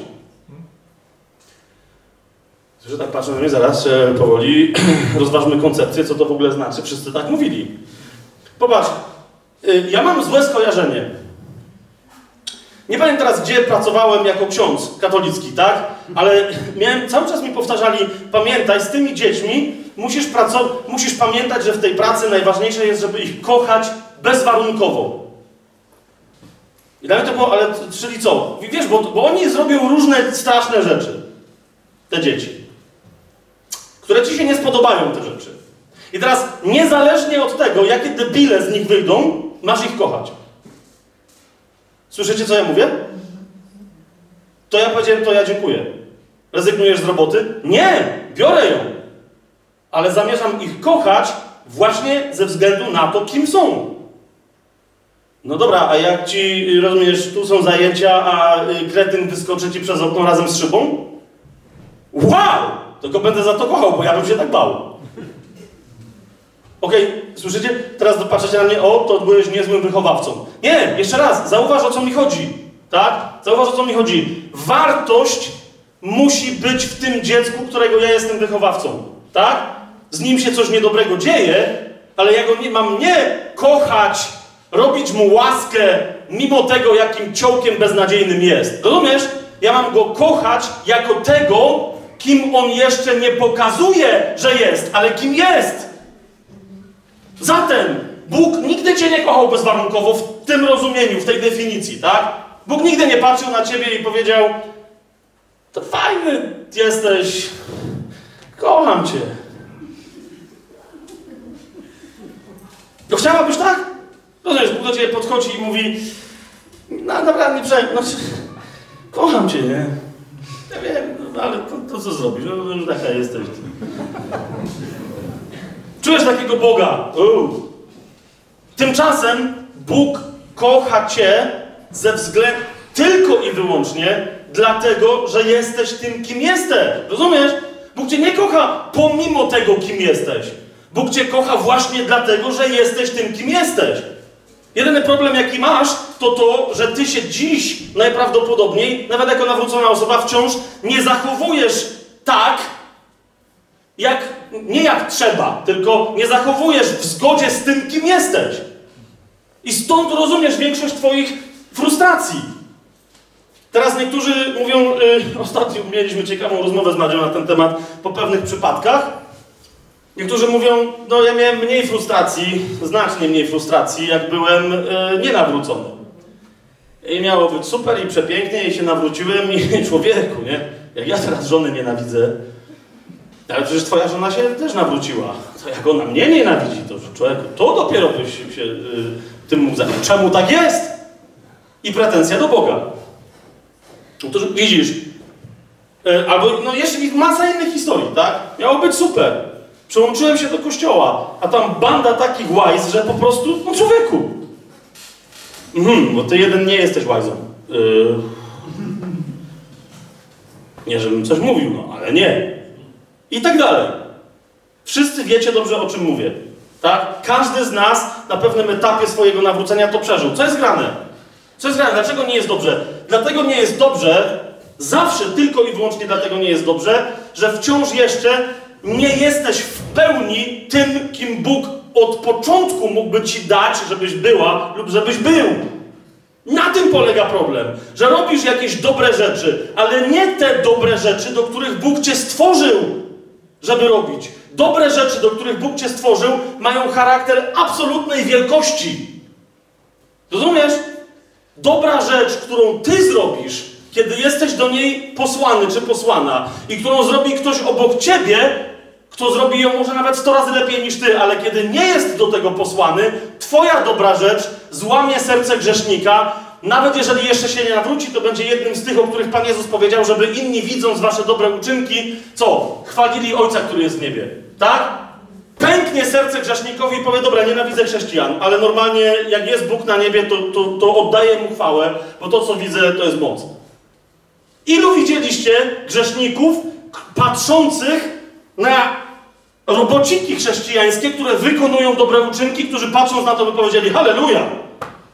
Brawo! Jeżeli takie jest chrześcijaństwo, super, dobry Bóg. Oni się odwracają i mówią, dobra, okej. Okay. Dlaczego tak jest? Bo te dobre uczynki nie są tymi dobrymi uczynkami, bo nie wynikają z Twojego powołania. Za każdym razem, kiedy udało Ci się doświadczyć namaszczenia w swoim życiu, mówisz, o, nagle przyszło błogosławieństwo, pojawiła się obecność Boża, moc zaczęła działać. Dlaczego tak się stało? Ponieważ najprawdopodobniej właśnie w tym momencie, no, czasem przez przypadek, udało Ci się wejść na właściwą ścieżkę i przez moment być sobą w swoim powołaniu. Coś Wam pokażę. Księga Objawienia. Macie otwartą?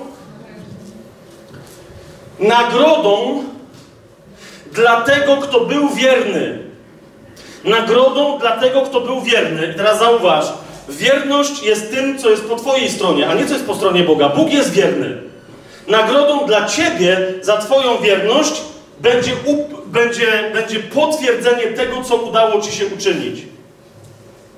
Jeżeli udało Ci się żyć w zgodzie z Twoim osobistym powołaniem, prawdziwym imieniem, które Bóg Ci dał, wówczas nagrodą musi być potwierdzenie, potwierdzenie tego prawdziwego imienia. Zobaczcie Księgę Objawienia, rozdział drugi, werset 17. Nawiasem mówiąc, zwróćcie uwagę, bo jesteśmy teraz w listach do kościołów, zwróćcie uwagę, to jest jeden z bardzo mocnych fragmentów, który wyraźnie mówi o tym, że Bóg oczekuje od nas zaangażowania. Zwróćcie uwagę, że Bóg wzywa nas do naszego działania w wolności, ale do działania, które będzie uczciwym poszukiwaniem woli Bożej, która zawsze wyraża się w czym? W naszej wyjątkowości, do której jesteśmy stworzeni. Zauważcie, nie ma nigdzie, na najwięcej jakieś psychologiczne szkoły i tak dalej, nikt nigdzie w opowieści o wyjątkowości człowieka nie przebił Boga, bo On jest twórcą Twojej wyjątkowości, absolutnej unikatowości we wszechświecie, w przestrzeni materialnej i w przestrzeni czasowej. Nigdy nie było nikogo takiego jak Ty, nie ma drugiej takiej osoby na świecie i nigdy nie będzie. tak wspaniałej osoby jak ty, rozumiesz? W ramach twojej wyjątkowości. Kto żyjąc przestanie pełnić przykazania, których Bóg mu nie dał, a zacznie żyć wreszcie tak, aby przynosić upodobanie Bogu, dlatego nagrodą będzie, że drugi rozdział Księgi Objawienia, 17 werset. Kto ma uszy, niech słucha, co Duch mówi do kościołów. Temu, kto zwycięży, dam jeść z manny ukrytej i zauważcie, i dam mu kamyk biały, a na kamyku wypisane nowe imię. Imię, którego nikt nie zna oprócz tego, który je otrzymuje. Widzicie to? To jest nagroda, jedna z nagród. To tego nie dostaniesz za darmo. Za darmo się dostaje prezent. Tak? Za darmo się dostaje, jak sama nazwa wskazuje, dar. Za darmo Bóg cię może zwolnić z kary wiecznej, bo Jego Syn zapłacił za nas wszystkich. Ten, kto osobiście tę zapłatę przyjmie, wchodzi pod błogosławieństwo. Wszystko gra. W jego sercu rozpoczyna się sprawiedliwość Boża. Ale nagrodę dostanie ten, kto co? Kto zwycięży. Zapłatę dostaje kto? Ten, kto dobrze pracował. Więc odróżniajcie w Biblii wszystkie te miejsca, w których Paweł zwłaszcza pisze, zaraz robimy przerwę, z, wszystkie te miejsca, w których Paweł pisze o otrzymaniu nagrody albo o otrzymaniu zapłaty. Bo niektórzy mieszają koncepcje i mówią, że tam też jest mowa o zbawieniu. Jeżeli zapłatą jest zbawienie, to cóż to zapłata jest nagrodą za robotę, tak?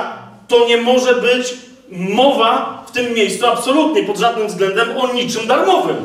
A zbawienie jest darmowe. Amen? A zatem, zauważcie, zauważcie, w tych wszystkich fragmentach, gdzie Paweł mówi o zbawieniu, nie tylko Paweł, Ewangelia Jana cała krzyczy o zbawieniu darmowym. Z łaski przez wiarę. Tak? Ale to jest początek życia, w którym ty masz zacząć żyć pełnią. Ja przyszedłem po to, żeby owce co? Miały życie i co? I żeby to życie było obfitujące. Żeby moja radość, za chwilę w innym miejscu Pan Jezus w tej samej Ewangelii powiedział, w was była i żeby wasza radość była jaka? Pełna! No to przyjrzyjcie się. Chciałem powiedzieć innym zborom, ale sobie się przyjrzyjcie. Nie innym zborze, tylko w lustrze. Tak? Uczciwie stań i powiedz Halleluja, uwielbiam Cię Panie, jak patrzę w te oczy i w tę gębkę cudowną, to normalnie to cieszę się i błogosławię Cię, że jestem obrazem pełni radości. No Staszek, Ty tak, ale... Popatrz. E, nowe imię. Zauważ, o co chodzi? E, jak to? Ty dostaniesz nowe imię na kamyku i teraz co, masz się schować to imię do kieszeni i dlatego nikt inny nie będzie go znać? Nie. Twoje imię, zobacz, dostaniesz na kamieniu wypisane nowe imię, którego nikt nie zna oprócz tego, który je nikt oprócz ciebie. Dlaczego? Ponieważ nikt nie będzie w stanie zrozumieć pełni wyjątkowości twojego osobistego powołania. Kapujesz? Ty komuś powiesz, to, to, często, to często, wiecie, to jest tak, że jak czasem rozmawiam z ludźmi, którzy wreszcie do tego momentu docierają i mówią, słuchaj, chyba wiem, naprawdę zaczyna mi się to we mnie objawiać, kim ja jestem. Wtedy zawsze zadaję to pytanie kluczowe, ok, to powiedz mi to, kim jesteś?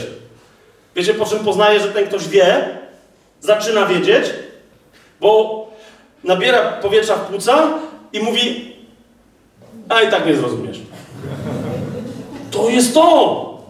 Jakim cudem ja miałbym zrozumieć Twoją wyjątkowość?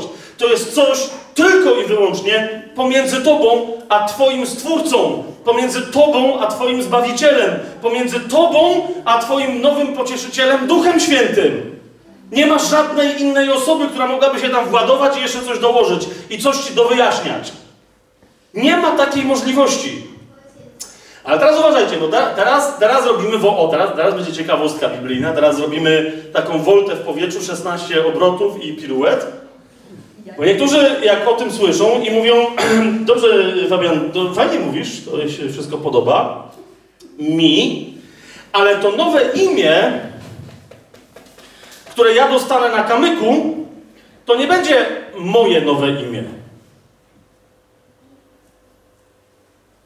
To co ty bredzisz? I wtedy mówią rozdział dalej, bardzo słusznie zresztą. Ja się tego nie boję, tak? Ale sięgnijcie razem ze mną. E, rozdział dalej, to jest trzeci rozdział.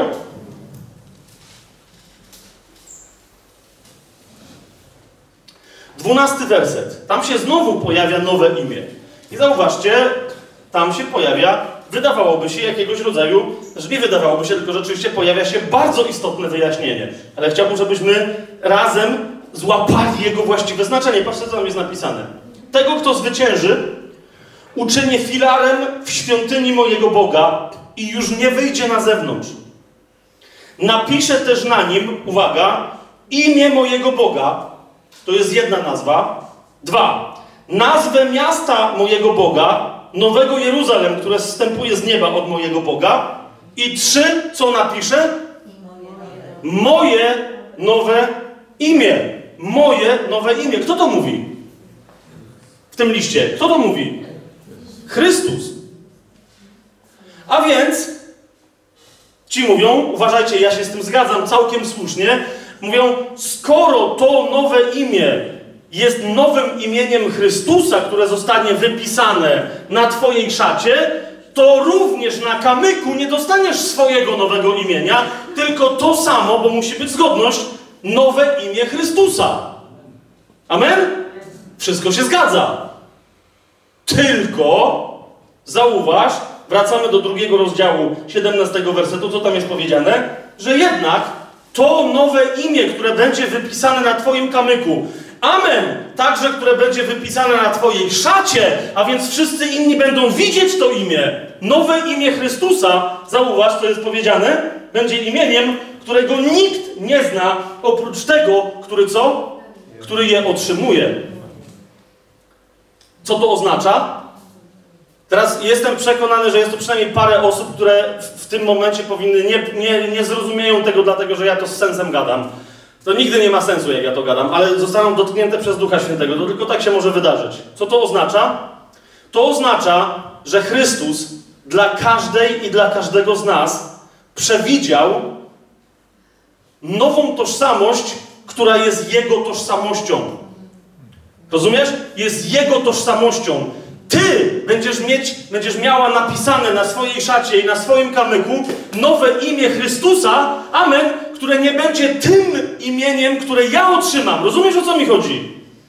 Dwa imiona będziemy mieli na sobie takie same. Jakie? Ty będziesz mieć napisane na swojej szacie, tak jak ja na swojej szacie, imię kogo? Boga. I będziemy mieli wszyscy to samo imię napisane, tak? I będziemy mieli dwa, wszyscy to, to samo nowe imię Nowego Jeruzalem wstępującego z nieba na sobie napisane. Ale trzy, coś co nas będzie odróżniać, bo inaczej kapujecie, byśmy wszyscy tak samo wyglądali. Co to jest Chińska Republika Ludowa? Nie!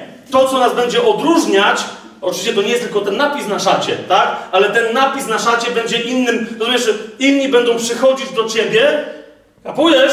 będą patrzeć, tak jak niektórzy mówią, że są takie, jak pójdziemy do nieba, wszystkie tajemnice będziemy znali.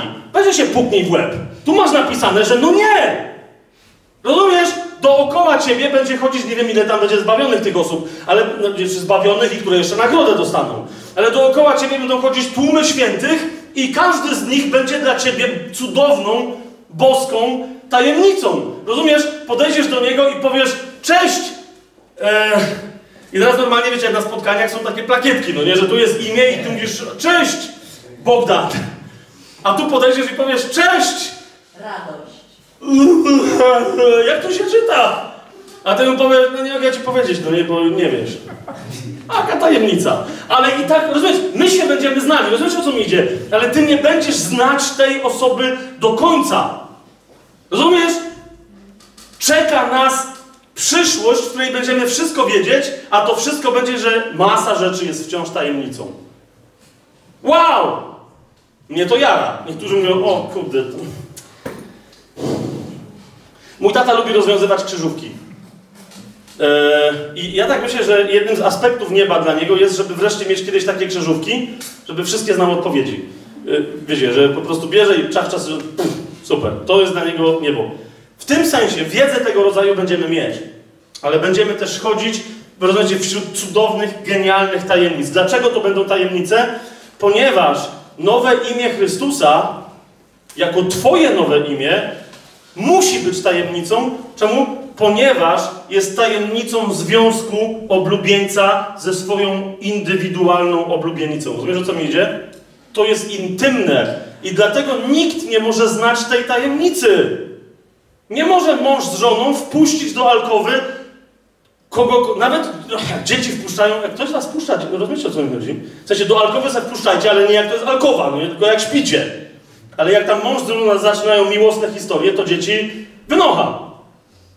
Dzieci w ogóle zresztą y, docelowo mają przyszłość dla rodziców wynocha.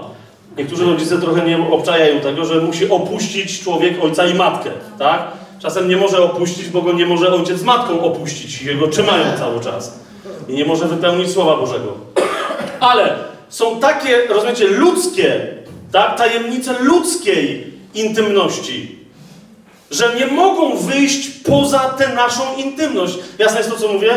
Samo jest tu. Rozumiesz, docelowo Twoje nowe imię jest nowym imieniem Chrystusa, które jest wyrazem Jego zupełnie wyjątkowego sposobu kochania Ciebie i pobudzania Ciebie do kochania Jego. Obczajecie, co się tu dzieje? Chodzi mi o to, że to jest pierwsza rzecz. Ty masz powołanie do tego, żeby być kochaną, albo żeby być kochanym przez Chrystusa w sposób, w jaki On nigdy nikogo nie będzie kochał. Tylko Ciebie jest Bogiem i może miliardy ludzi kochać na różne możliwe sposoby, ale nigdy nikogo nie kocha tak samo.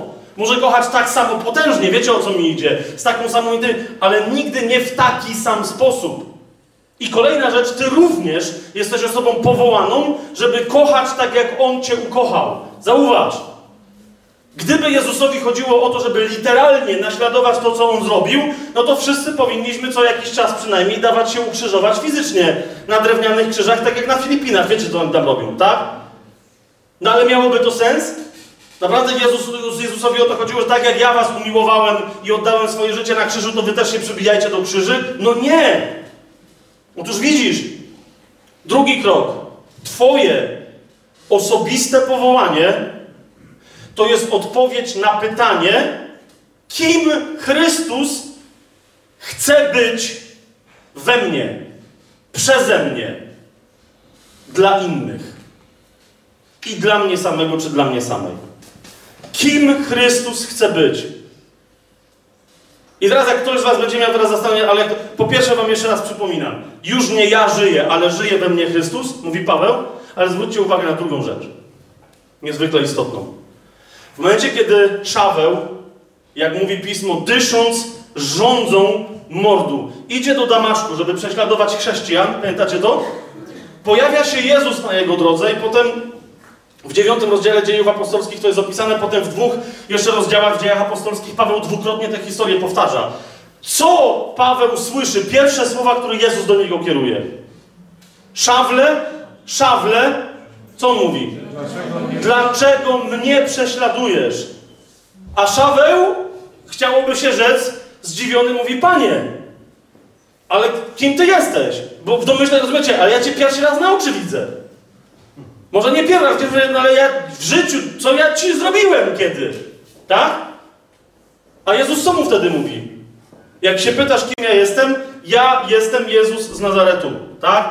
Ale zauważcie, powiada, mnie prześladujesz w tych ludziach, których prześladujesz. Zauważyliście, że Jezus nie powiedział, szawle, szawle, dlaczego prześladujesz moich ludzi?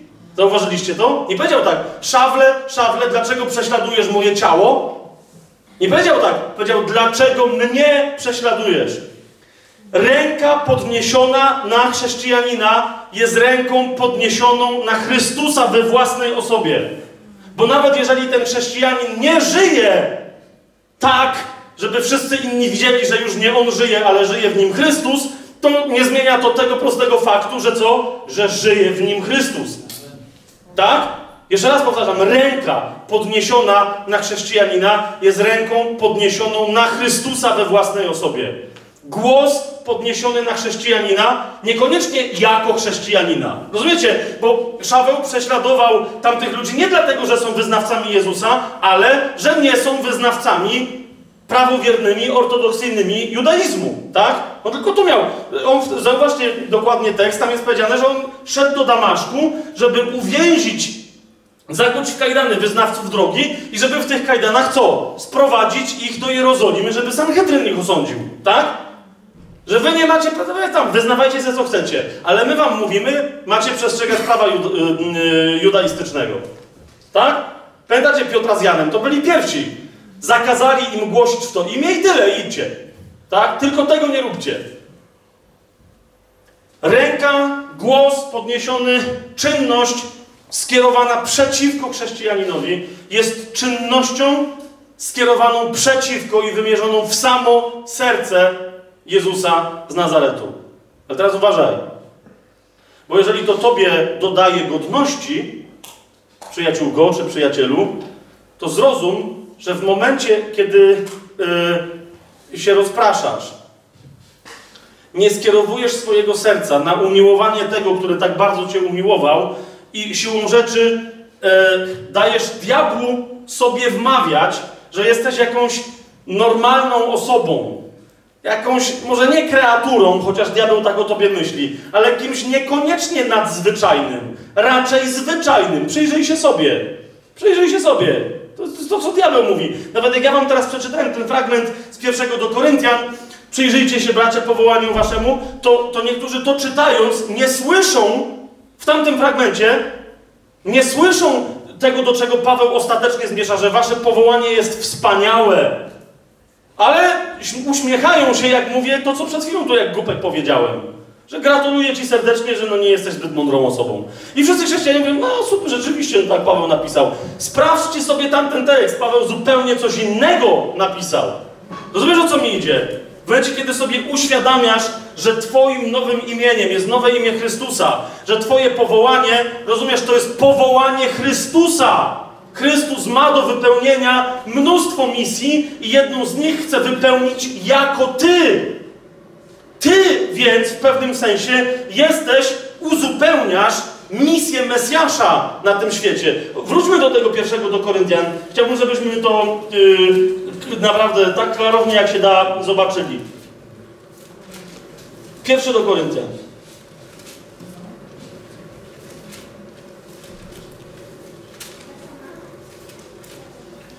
Spójrzcie. Pierwszy rozdział pierwszego do Koryntian, 26 werset. Przypatrzcie się bowiem, bracia, waszemu powołaniu, że niewielu jest mądrych, według ciała niewielu możnych, niewielu szlachetnie urodzonych. Ale Bóg, i zauważcie, zauważcie, kto ci kazał ile razy interpretować ten fragment? Duch Boży czy zły duch? Ale Bóg wybrał to, co głupie u świata, aby zawstydzić mądrych. Wybrał to, co słabe u świata, aby zawstydzić mocnych. I to, co nieszlachetne u świata i wzgardzone wybrał Bóg, a nawet to, co nie jest, aby to, co jest, obrócić w niwecz, aby nie chlubiło się przed nim żadne ciało. I tu często niektórzy czytają ten, i tu tną ten fragment. Rozumiecie? I, I potem opowiadają, no nie przejmujcie się, że ciało Chrystusa jest jakie jest. No bo Słowo Boże nas uspokaja i mówi, no wszyscy jesteśmy nędzni. No Bóg takich jełopów powołał jak my, także spokojnie możemy się dalej zachowywać jak jełopy. Naprawdę? Jest taka zasada retoryczna, która mówi, że nieważne jak mocne twierdzenie padło, jeżeli po tym twierdzeniu pojawia się słowo ale lub lecz, to to słowo co robi? Kasuje wszystko to, co zostało powiedziane. Rozumiecie o co mi chodzi? Podam wam przykład. Ty komuś mówisz, Jezus jest Panem, a ktoś ci odpowiada, w sumie to się z tobą zgadzam, ale co ma na myśli? Że nie. Że nie chce się niegrzecznie nie zgodzić, ale się z tobą nie zgadza. Tak? Jeżeli ma ale, to znaczy, że się nie zgadza. I teraz zauważcie, po tym wszystkim, co tu jest powiedziane, na podstawie czego niektórzy całe konstrukcje y, kazań budują, zauważcie, Paweł mówi, ale, ale, zobaczcie, pierwszy rozdział pierwszego do Koryntian, 30 werset, ale wy z niego jesteście w kim? w Chrystusie Jezusie, który stał się dla nas mądrością od Boga i sprawiedliwością, i uświęceniem, i odkupieniem, aby jak to jest napisane, ten, kto się chlubi, chlubił się w kim? W Panu. Aby ten, kto się chlubi, chlubił się w Panu. I potem, jak dalej y, będziecie czytać, nie będziemy się teraz to y, zagłębiać, Paweł dokładnie tę myśl rozwija. Że Chrystus stał się dla nas mocą i mądrością, i że my, dla świata, może będąc głupkami, nie jesteśmy głupkami. Jesteśmy kimś bardziej niż mądrym, ponieważ powiada Słowo Boże, że mamy w sobie co? Umysł Chrystusa. Pamiętacie? Pamięta? Umysł Chrystusa. Umysł Chrystusa. Zobacz, jak wielkie jest Twoje powołanie. Paweł, kiedy mówi o nędzy, to tylko mówi o pewnej perspektywie, gdyby patrzeć na Ciebie oczami świata. Oczami świata, to popatrzcie, jak Jezus wisiał na krzyżu. Co się działo, jak wisiał na krzyżu? Śmiali się z Niego. To, żeś naopowiadał historii, bardzo Ci gratulujemy. Zarąbiście. Ileś to pogłosił? Półtorej roku? Dwa? Trzy? No chyba niecałe, nie? No i co tam robisz na tej rzece na górze? No to jak jesteś tym Synem Bożym, to zleź stamtąd. Pokaż jakąś moc. Teraz dopiero się popisz. Słyszycie te słowa? No to teraz zademonstruj. A Jezus tam właśnie w tym momencie wygrywał najważniejszą, jedyną w zasadzie istotną bitwę wszechświata.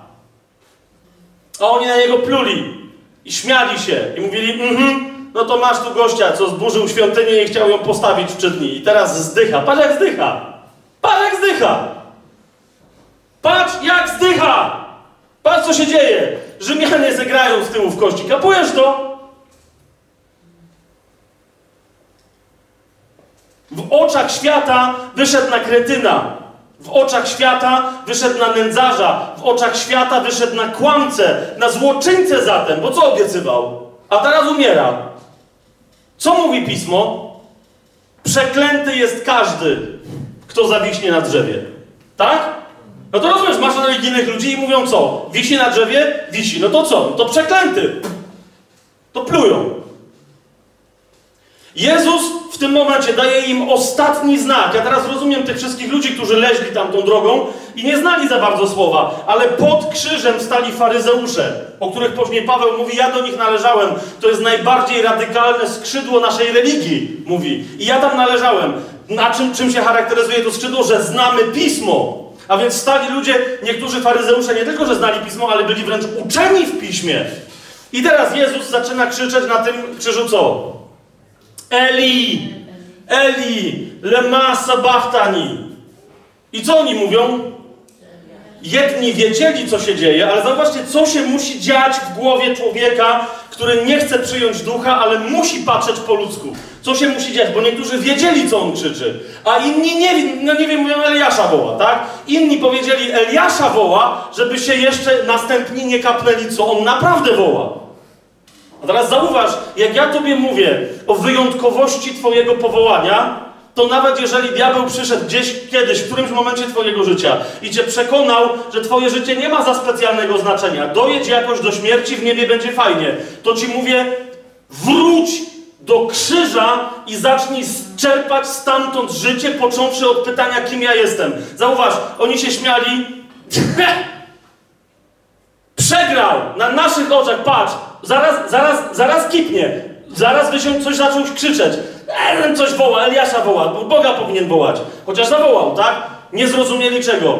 Że Jezus właśnie w tym momencie, pamiętacie jak wam powiedziałem, Twoje imię, Twoje osobiste powołanie to jest odpowiedź na pytanie, kim jestem, taka, jakiej nikt inny nie może dać, tylko Ty. Pamiętacie to?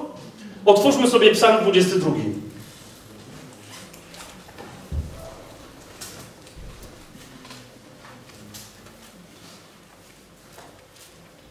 I zobacz to jedno. O to mi chodzi. Zobacz to jedno. Jezus przegrywa. Umiera na krzyżu. Zaczyna krzyczeć Eli, Eli, lema sabachtani. Boże mój, Boże mój, dlaczego mnie opuściłeś? Co to jest? To jest początek psalmu 22. Ok?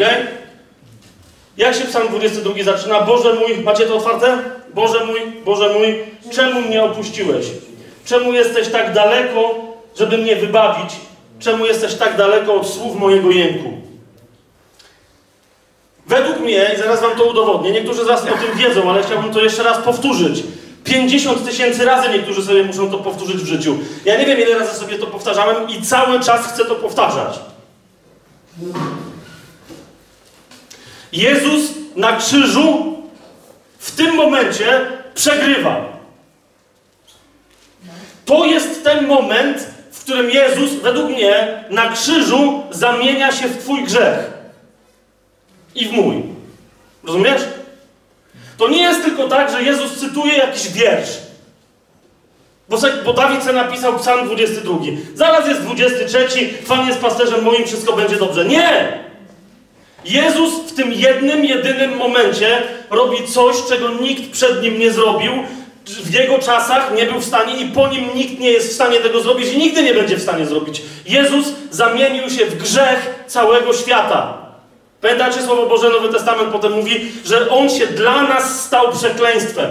I został jako przekleństwo, jako nasz grzech przybity do krzyża, żeby mieć pewność, że Twój grzech i mój grzech na krzyżu szczeźnie. Że Jezus, On zmartwychwstanie z nowym życiem dla Ciebie i dla mnie, a grzech szczeźnie i nie zmartwychwstanie. Więc w tym konkretnym momencie stając się grzechem, automatycznie nie ojciec od niego się oddalił, ale on się musiał oddalić od ojca, bo ojciec jest święty, a święty nie może mieć styczności z grzechem. To jest kłamstwo, które szatan zasiał w naszych sercach. I wielu wierzących dalej w to wierzy, zamiast dobrą nowinę. To szatan w ogrodzie Eden powiedział: Jeżeli zjecie z drzewa poznania czego? dobra i zła, to będziecie jacy? Jak Bóg. To jest właśnie to, co Bóg przed wami chowa. Rozumiesz? Na czym polega kłamstwo? Na tym, że Bóg nie ma takiego poznania. Rozumiecie? I niektórzy bywało, ja pamiętam, że jeszcze jako ksiądz katolicki, jak o tym mówiłem, niektórzy mnie atakowali i ważniejsze dla nich było, żeby mi powiedzieć, Bóg jest wszechwiedzący. Przeczysz temu? Nie, nie przeczę, bo jest Bogiem, to jest wszechwiedzący. A powiedziałeś, że Bóg nie ma poznania zła. No bo nie ma. No to przeczysz. Rozumiecie, łapiecie, co się dzieje? Bo cały czas chodziło o to, co Bóg ma w głowie. Co Bóg ma w głowie. Co Bóg ma w głowie. A pytanie brzmi, co Bóg ma na rękach. Czy Bóg ma na rękach krew? Nie. Nie ma. O to chodzi. Człowiek ma krew na rękach. Bóg nigdy nikogo nie zabił. I teraz ja wiem, że jak niektórzy zaraz powiedzą, a w Starym Testamencie powiedział, idźcie, zabijcie, coś tam. To jest, jak ktoś z was jest dla was to istotne, żeby ten temat poruszyć, to go poruszymy po przerwie, ok? Ale na razie to, dlaczego my widząc tamte słowa, nie widzimy, co Bóg robi, tylko mówimy, Bóg jest mordercą, niektórzy. Albo słyszymy niewierzących i oni mówią, ej, cały Stary Testament, Bóg to jest, wiesz, Bóg to jest przestępca. I chrześcijanie mówią, no w sumie nie wiem, co ci powiedzieć. Rozumiesz? to znaczy, że tkwisz wciąż w kłamstwie szatana i masz wciąż podejrzenie, może rzeczywiście Bóg ma pełnię poznania i zna dobro i zło. Nie! Bóg powiedział, jedzcie z drzewa życia i z wszystkich innych drzew, bo to są drzewa, z których i ja jem. A z tego jednego nie jem. I chcę, żebyście wy byli tacy jak ja, więc róbcie to, co ja, a ja nie jem z tego drzewa. To jest drzewo węża. Ale zjedliśmy, Chrystus wisi na krzyżu. Zauważcie, nie będziemy czytać całego tego. Yy, nie będziemy czytać całego tego psalmu, ale przeskoczcie ze mną parę wersetów dalej i powiedzcie mi, czy ktoś kiedykolwiek, z wyjątkiem Jezusa, który jest Mesjaszem, czy ktoś kiedykolwiek, włącznie z Dawidem, miałby prawo publicznie wypowiedzieć te słowa i powiedzieć, to są moje słowa. Tylko Jezus. Zobaczcie, od 12 wersetu. Jezus się dusi na krzyżu zaczął mówić Eli, Eli, lema sabachthani, ale jestem przekonany, że Jezus odmawia cały ten psalm. Nie odmawia, On jest autorem tego psalmu i to jest moment, dlatego rozumiecie, dlatego Jezus podyktował ten psalm przez swojego ducha Dawidowi, bo wiedział, że na krzyżu będzie się dusił i wiedział, że nie powie tych słów. Dlatego mamy ten fragment. Dlatego Jezus wykrzyczał ostatkiem sił Eli, Eli, lema sabachtani, żebyśmy my ten fragment przeczytali, żebyśmy wiedzieli, co Jezus mówił w sercu. Powiedz mi, czy mógł to powiedzieć ktoś inny niż Jezus? Dwunasty werset. Otoczyło mnie, on cały czas mówi do swojego ojca, otoczyło mnie mnóstwo cielców, osaczyły mnie byki baszanu. Rozwarły na mnie swoje paszcze, jak lew drapieżny i ryczący.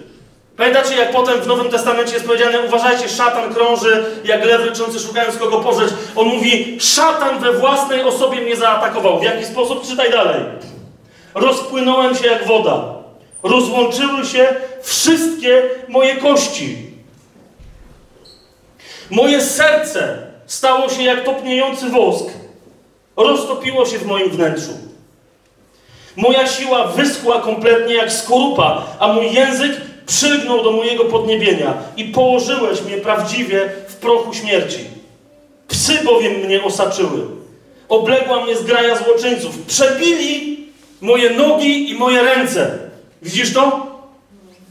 Kto kiedy mógł to powiedzieć? Ale możesz powiedzieć, może jest jakiś Żyd, może nie wiem, Dawida kiedyś przebili do jakiejś deski. Czytaj dalej. Przebili ręce i nogi moje. Patrz dalej. Tak, że mogę policzyć wszystkie moje kości, a oni patrzą na mnie, przypatrują się, patrz dalej, dzielą między siebie moje szaty i o moją tunikę rzucają losy. Rozumiecie o co chodzi? Jezus krzyczy Eli, Eli, lema sabachtani. To był psalm, z którego Żydzi zrobili modlitwę nad umierającym człowiekiem. Modlitwę agonalną. Każdy Żyd, kto był świadkiem paru śmierci, a wtedy ludzie byli świadkami śmierci swoich bliskich po domach, słyszał ten psalm. Rozumiecie dlatego, dlaczego tamte łosie powiedziały, on Eliasza wzywa, żeby sobie ktoś nie przypomniał, że przecież w tym psalmie jest powiedziane, kto to mówi. Rzucają losy o moją tunikę. Dzielą się moimi szatami, przebili moje ręce i moje nogi. Bo wtedy by rozwarli gębę i powiedzieli, ej, ale zaraz. To przecież Dawid powiedział. Czy może kto? Czy może Dawid, o którym wszyscy całe pismo mówi, że jest prorokiem, a może Dawid prorokował? Co? Że ten gość będzie to robił. Co będzie robił? Bo zobaczcie, co się dalej dzieje. Ale ty, widzicie? W tym momencie pojawia się słowo ale. W psalmie 22. Widzicie to? Tu się pojawia ale. Tu się pojawia ale. I Jezus prorokuje dalej. Ale ty, Panie, nie oddalisz się ode mnie. Mocy moja, ty spiesz na mój ratunek. I teraz od tej pory ciągnie się ten tekst. Nie będziemy go, nie będziemy go czytać dalej, ale chcę wam zwrócić uwagę na jedną rzecz. 31 werset. 31 werset mamy przetłumaczony jak? Ostatni werset tego psalmu. Przyjdą i ludowi, który się narodzi. Rozumiesz, że Jezus wisząc na krzyżu widział na przykład to zgromadzenie? Rozumiesz to? Bo my jesteśmy ludem, który, o którym Dawid prorokował i który Jezus powiedział, że zaraz za chwilę się narodzi. Ludowi, który się narodzi. Rozumiesz, że Jezus widział także nas jako takie zgromadzenie. I mówił o nas i o nas prorokował. Ludowi, który się narodzi. Przyjdą i ludowi, który się narodzi, narodzi opowiedzą Jego sprawiedliwość. Dlaczego? Bo tu jest znak zapytania. Uważajcie że on to uczynił. Otóż po hebrajsku, jeżeli ktoś chce skończyć to zdanie, to rzeczywiście albowiem on to uczynił. Ale de facto, jak postawisz tam kropkę albo znak zapytania, to jak brzmi ten ostatni fragment? Albowiem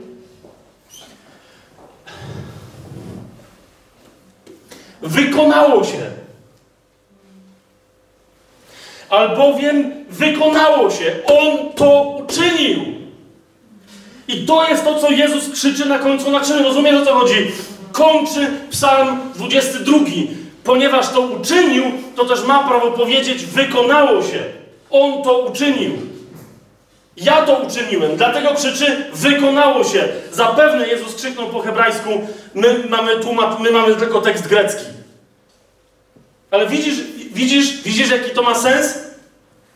Teraz popatrz. Bo ja teraz mówię o czymś, co jest prawdą na temat Twojego i mojego zbawienia, ale jednocześnie jest prawdą, mocą. Tu się zaczyna Twoje i moje powołanie. Jezus w tym momencie, w którym umiera na drzewie krzyża i cały świat śmieje się, mówiąc: Przegrał. Cały, cała, cała, cała ta część świata, która rozpoznała w nim Mesjasza, rozpacza i mówi: Przegrał! Niektórzy uciekają z Jerozolimy za chwilę potem, tak? Jezus ich musi doganiać w drodze do Emaus. Z obawy przed Żydami się zamykają, nie wiedzą, co teraz mają robić. Jeden się już trzy razy zaparł, zanim kogut zapiał i tak dalej. Szatan zaciera ręce i mówi: Dobra, panie, to sobie przeczytałeś jakiś psalmik, odmówiłeś go z pamięci. Jeden, jedyny szatan, szatan wiedział, co jest grane. Mówi: No, ale umarłeś. Wykonało się co? Zobaczcie, 30, 31 werset. Potomstwo będzie mu służyć i będzie poczytane Panu za pokolenie. Przyjdą i ludowi, który się narodzi, opowiedzą jego sprawiedliwość. I szatan mówi: No i co? Z, z czego? Co? Umarłeś. Zaraz tą całą bandę tutaj rozproszę, bo sam prorokowałeś, Synu Boży, uderzą pasterza, a rozproszą się owce. Zaraz tylko wydaj z siebie to ostatnie tchnienie i zobaczysz, znaczy nie zobaczysz, ale rozproszę ci owce. Rozumiesz? I świat został, świat paru zbawionych ludzi przerażony, cały świat niezbawionych, zadowolony albo obojętny na to, co się stało. A w tym momencie Jezus, kiedy krzyknął, wykonało się i wylał, to było pierwsze wylanie Ducha Świętego na cały świat. Przeczytajcie dokładnie tekst Janowy. Jezus nigdzie nie wyziewał żadnego ducha.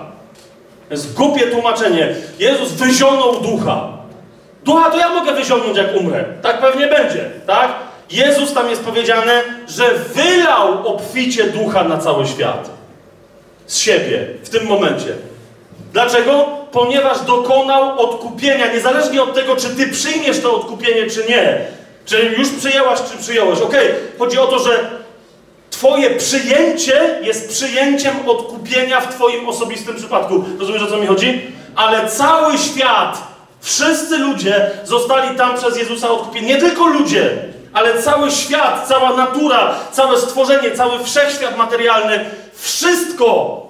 I wtedy Jezus, kiedy wydał ducha na świat, żeby duch świadczył wobec całego świata, to już się wykonało. Wtedy Jezus we własnej osobie stanął przed triumfującym kretynem, szatanem, który zacierał rączki, eee, teraz cię przyjmę i teraz się tobą zajmę. Jezus stanął przed nim Widzieliście walkę Pudziana z Najmanem? Ktokolwiek, a nie, bo wy nie interesujecie się MMA, okej, okay, dobra. E, to była jedna e, z najszybszych porażek kiedyś e, w polskim MMA. W sensie tak szybka, że potem niektórzy liczyli inne nokauty w Najmanach, nie, nie w sekundach? Okay? Chodzi mi o to, że dobra, z całym szacunkiem do pana Najmana i do Pudziana, tak? Nie, nieważne teraz. Chodzi mi o to, że Jezus wygrał z szatanem, wtedy, rozumiecie, tam nawet nie było żadnej kotłowaniny, tak? Jezus dostał centralnie w mordę, tak, że się poturlał do ostatniego końca w piekle. Jezus mu krzyknął, mówi, i tam na razie na mnie zaczekaj. Tam na razie na mnie zaczekaj. Przeszedł przez całe podziemia. Przeszedł przez wszystkie więzienia, w których były więzieni w Szeolu i w innych miejscach ci, którzy tam byli więzieni. Przeszedł i ogłosił im jeszcze raz tę dobrą nowinę, o której zauważcie, jeszcze kiedy żył, powiedział, tę dobrą nowinę usłyszą nawet umarli, powiadam wam, już jest im głoszona. Pamiętacie ten fragment z Ewangelii? Ja nawiadam wam, już jest im głoszona. Więc oni słyszeli. Wtedy się tam pojawił i mówi, widzicie co się stało? Ktoś chce wolności, czy chcecie tu zostać dalej i potem pójść na sąd i potem z tym idiotą tam, tym, w tym rogu tam co leży, spędzić całą wieczność? Czy też chcecie spędzić wieczność ze mną? Nie wiem, co się tam stało, mnie tam nie było. Nie wiem, ile wtedy dusz zostało, wiecie, wyratowanych. Chodzi mi o to, że jedno jest pewne i wiemy, jaki był jeden ze skutków tego zwycięstwa Chrystusa, zanim wrócił do żywych trzeciego dnia. Otóż Jezus na samym końcu podszedł do diabła, może na samym początku, nie wiem tego, ale na pewno podszedł do diabła i wziął mu wszystkie klucze. Do czego? Do śmierci i do piekła. I dlatego w Księdze Objawienia wyraźnie jeszcze raz, jakby jeszcze ktoś nie zrozumiał, co się stało, mówi, ja mam klucze do śmierci i do otchłani. Tak powiedział? Mówi, nie diabeł. Nie on tam wpuszcza i nie on tam zamyka. Ja zamykam, a czy ja zamykam? Nie! Ja przecież przyszedłem, żeby ogłosić rok łaski od Pana. Amen? Więc rozumiecie, że świat dalej nie wiedział, co jest grane. Uczniowie, no wie, jedni już zaczęli uciekać, tak? A Jezus właśnie dokonywał przepotężnego zwycięstwa. Zrozum, Twoje powołanie jest powołaniem niekoniecznie do tego, żeby zbawić cały świat. Ale Twoje powołanie jest powołaniem równie wzniosłym jak powołanie Chrystusowe, choć niekoniecznie musi być powołaniem publicznym. Nawiasem mówiąc, zauw- zauważcie, że z punktu, jakbyście dzisiaj, nie wiem, e, zgłosili życiorys Jezusa do tam, nie wiem, e, magazynu Sukces, no to wiecie, nie ma za bardzo e, o czym pisać, tak? No w sensie 30 lat, co go robił? No był emigrantem w Egipcie z rodzicami, potem wrócili, no ale nawet jego ekipa z Nazaretu niespecjalnie chciała go uznać, że on jakiś taki mądry jest, no bo przecież mówili, no przecież to jest syn cieśli. Najwyraźniej Józef był chyba lepszym cieślą niż Pan Jezus, nie wiem, ale wiecie, nie powiedzieli, że to jest Jezus cieśla, tylko że to jest syn cieśli, tak? Czyli pomocnik. Potem przez jakiś czas coś tam głosił, no ale szybko go uciszyli. Umarł na krzyżu. No to był to sukces? Rozumiecie o co mi idzie? Oczywiście to był największy sukces w historii wszechdziejów, pod warunkiem tylko, że rozumiesz, na czym polega sukces z oglądany z perspektywy, z perspektywy jakiej? Duchowej. A więc teraz, a więc teraz zrobimy przerwę. Tak? Ale teraz zauważ, niezależnie od tego, co się w czasie tej przerwy stanie i co jeszcze, możemy po tej przerwie w ogóle przejść do pytań i tak dalej, i tak dalej. Możemy dalej kontynuować ten temat, jeżeli będziecie chcieli. I sobie odpowiedzieć na pytanie, jak zatem dalej mam odkrywać swoje powołanie. Chciałbym tylko, żebyśmy zakończyli z tą jedną myślą. Nie my. Chciałbym, żebyś ty zakończyła z tą jedną myślą i żebyś ty zakończył teraz z tą jedną myślą. Może pytaniem, może po prostu poczuj wyzwanie, które Duch Święty ci rzuca, ale to jest jedna, jedna rzecz, z którą chciałbym, żebyś została, czy został na razie. A może na zawsze. Nie ma niczego bardziej wartościowego, jak odkrycie powołania Chrystusa w sobie. Też to Paweł powiedział, wszystko uznałem za śmieci.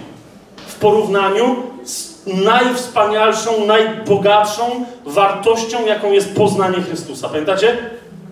Gdzie to jest? Ktoś nie pamięta, to nie, nie będzie, bo wiecie, zawsze mówię, zajrzyjmy tu, tam i potem jest 5 minut szukania. Ok? Ale jak ktoś będzie chciał, to potem pokażę, gdzie to jest napisane. Nie ma żadnej, Paweł mówi, że wszystko uznałem za śmieci. To nie znaczy, że tylko, ale chodzi o to, że dopiero w Chrystusie rzeczy nabierają wartości. Kiedy przykładam rękę do tego, do czego On chce przyłożyć rękę. Bo mam Jego serce i zaczynam żyć, we mnie bije Jego serce, zaczynam żyć Jego odruchami we mnie. A zatem, jak bardzo dziś, teraz chcesz wiedzieć, jakie jest powołanie Chrystusa w Tobie? Kim Chrystus chce być dla świata poprzez Ciebie? Jak małe do tej pory, być może, może było wielkie, ale zauważ wciąż, jak małe jednak było Twoje wyobrażenie na temat tego, kim masz być w świecie, a następnie w wieczności w oczach Bożych. Wobec tego, jak wielkie i wspaniałe jest wyobrażenie na Twój temat Twojego Ojca, o tym, kim chce, żebyś Ty była czy był. I teraz nie idzie mi o to, żebyście się teraz spieli, o mój Boże, to ja teraz nie wiem ile mam czasu, czy zdążę, bo może mam jeszcze dwa lata życia. Nie wiem, ja może za chwilę kipnę, rozumiesz? Ale idzie mi o to, że wreszcie kiedyś musi przyjść taki moment w Twoim życiu, kiedy wreszcie zadasz sobie to pytanie, czy naprawdę w moim życiu poznanie Chrystusa i tego, kim On chce być we mnie dla tego świata, czy naprawdę jest tą najważniejszą rzeczą, czy jeszcze nie? Bo jeżeli nie, to cały czas będziesz robić te inne pobożne rzeczy. Poboczne. Pobożne. Czasem te poboczne są pobożne, a w ogóle nie o nie chodzi. Jeżeli chcesz wiedzieć, jeżeli chcesz wiedzieć, Bóg Ci sam to może objawić. Możemy po przerwie ten temat jeszcze podjąć, jak mi dacie znać, ale nawet jakby, nie wiem, miał teraz coś tutaj, wiecie, walnąć w Radom. Nie, nie walnie, kto by chciał walić w Radom. Ale jakby coś miało walnąć w Radom, to jeżeli tylko z tym pragnieniem dowiedzenia się, jakie jest Twoje osobiste powołanie, umrzesz, to już jesteś o duchowe setki mil dalej niż jeszcze dwie godziny temu.